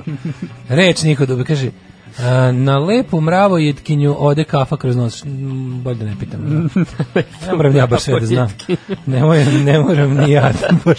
E, Pa, čuću podcast. kaže, odlična pesma, pozdrav Daški i Đolo Raviolo. O, pa, imam nadimak, Ne, gotovo, imaš fanove, to je već sad stvarno. Ovaj, ulazimo polako u tuđe se ti imaš Kurir Stars, Mhm. Ja, bolite Kurir brige. Stars, imam i običan si, to ti je kurir. lepo kao sutra meni kad izađe Blitz scena. Da, to je da, sutra da. bude, ja dočekam. Moj Mhm. omiljeni jet set dan, svakako četvrtkom. Yes. Ovaj, ajde ti prvi. Hoću ja prvi, pa Da, imamo nametni temu. Kurir Stars kaže, Marko traži od Lune, vrati mi mojih 30.000 Vrati mi, evra. vrati 30.000 evra. Marko E, traži od- odakle Leti peri, leti peri posle raskida. I vidio sam juče u gradu ovaj, e, tablu napisanu kod tamo u blizu ovoga preko kasarne, Mhm. piše skupljamo perije. Skupljamo Da, to nisam vidio, to nisam možda čak nikad vidio u Novom Sadu. Perija, ej, pa da, možda i katran sam kod da. danas smo pomenuli Da, da, smo nekoliko puta, pa to sam skroz Kaže. Đole Đugani izjavio da bi snimio duet sa Kijom Kockar, najveću O. suparnicu svoje sestrčine Lune Đugani. Kako? U, kako To je neki... Time on pokazuje širinu svoje duše. Da, širinom. Ja bi, ta, ja bi tu pesmu voleo da vidim, ali i čujem. Apsolutno. Pogotovo što brinem da Kija nije dobro i ako ovaj... Šta misliš da je bolest? Pa mislim nešto mi čudno izgleda. Znaš da ona je bila bolesna i da, sam, Moguće, da smo se svi ovde pray for Kija određivali. Mm. Ja sam ceo dan kad se zatvorim E, Milica Pavlović. Da li znaš ko je Milica A, Pavlović? naravno da znam ko je Milica Pavlović, mada sam uvek bio tim Milica Todorović, ali volim Milicu Pavlović, malo manje, ali volim. Da. Ne znam, ovdje sliku ima na neku, piše Milica- kulturno se uzdiže. Milica, da, Milica Pavlović je više ima grudno bogatstvo od Mhm, Milice mhm. Todorović. Bila na nekoj predstavi e, kao gost i slikali su s ovim glumcem, ovim sad popularnim iz neki na Balkanom, ovaj mlad Kuzmanović. A, a, opa. Kaže, pusti posao, čuo sam da nemaš dečka. To piše u onom oglasu. Posuču, a jo, a jo, da, ako to ima... Znaš, on je kao šaljivi. Zavidim ti što ti imaš Kurir oni imaju ovaj kako se oni imaju taj stripovski ono da veće dno od toga ne postoji. Aleksandra izdala prvi album. Pevačica Aleksandra Mladenović, Mladenović promovisala je svoj album Poseban.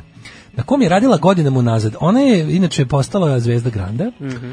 i onda je ovaj, e, proslavila je svoj album prvenca sa Katarinom Grujić, Jelenom Kostov, Dinčom, Sašom Kaporom i drugima. Dinča. Da, to nije Srđan Dinčić, nadam se. Ne, ja znam ko je Dinča. Dinča je ne, neki od onih prvih generacija Zvezde Granda. A da nisi pobrkao sa... Da. Ne. Nešto pre 100 godina. Jel di, a, to je to. Bio je Dinča. neki. Što je bili neki... Neki lik To je onako, neki, koji to iz su- kladionice. To je bilo, pa svi tako izgledaju, nego je tu uvek ti- prvi godin u Zvezdi Granda, ako sam dobro primetio, je bila gomila tih nekih kao iz bosanskih nekih ono, Aha, i to baš iz federacije su bili neki, Moguće. znaš Pa neki, bilo Amar Gile je bio neki, Aha. a sjećaš Amar Gile? Ne, ja sećam se Adnana Babajića. E pa da, kažem ti, bili su iz Adnan A on je bio, tim, on je bio ono nešto operacija Triumf ili tako, to je pobedio. To nije Zvezda Granda. Nije, nije. Koliko to je bilo, jednom trenutku je bilo pet tih, ono. Da. Bukvalno svaka televizija imala svoj. Jeste. Kanal 9 je imao svoj.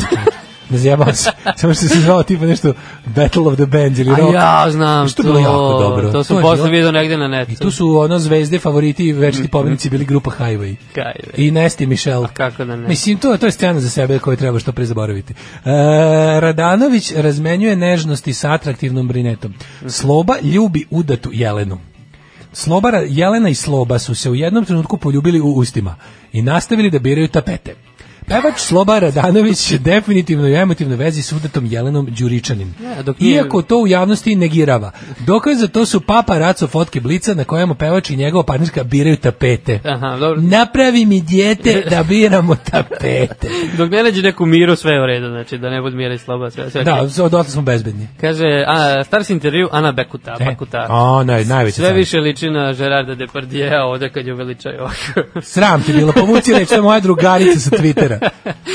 Ja sam joj obećao da ću da dođem na njen sledeći eh, nastup koji bude u krugu od 50 km. E, dobro, Pošto smo propustili da, da popijemo po koju na pudarskim danima, duša me i dalje boli, ja moram da... Kaže ovako, da sam ranije srela mrku, brzo bi ga ostavila.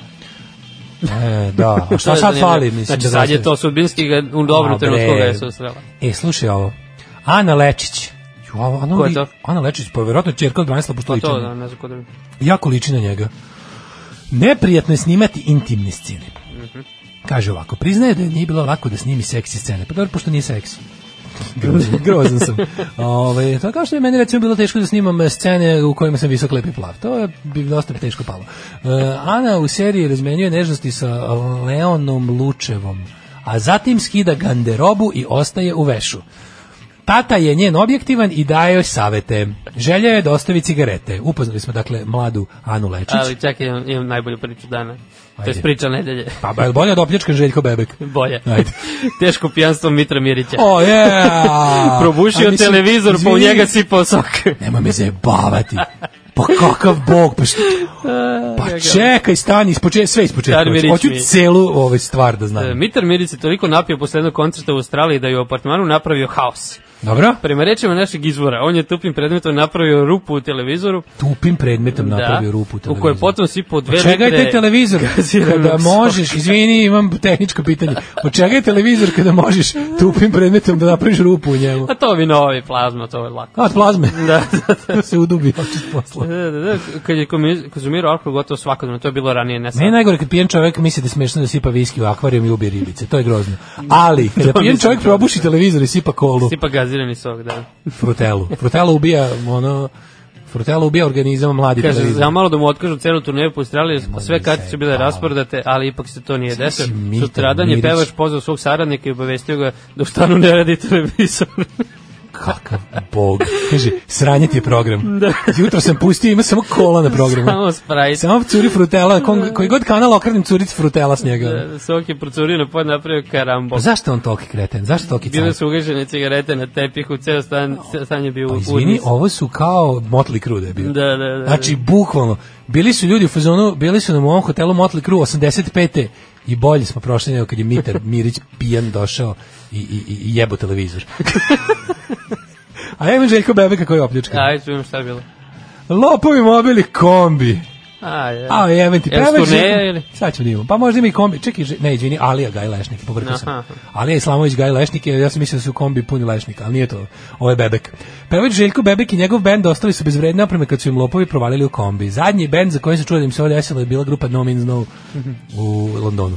Bendu Željka Bebeka provaljali u kombi u Zagrebu, ukradeni su im bas, gitare, gitare.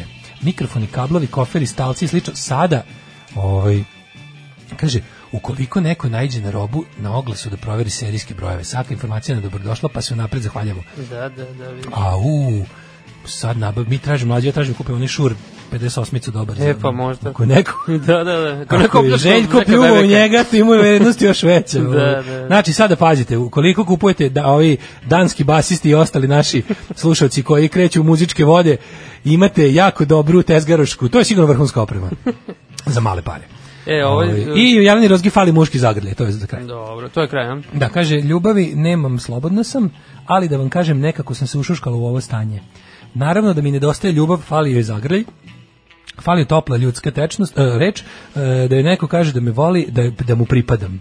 Rekla je lepa splićankinjenja za hrvatske medije i dodala šta muškarac mora da posjeduje. Evo, znači, ako BMW, kuću na moru, šalim se, mora da postoji osjećaj da ti je lepo s nekim, da se razumemo, da se volimo u svim situacijama i kada nestane struje dok sedimo uz šteriku.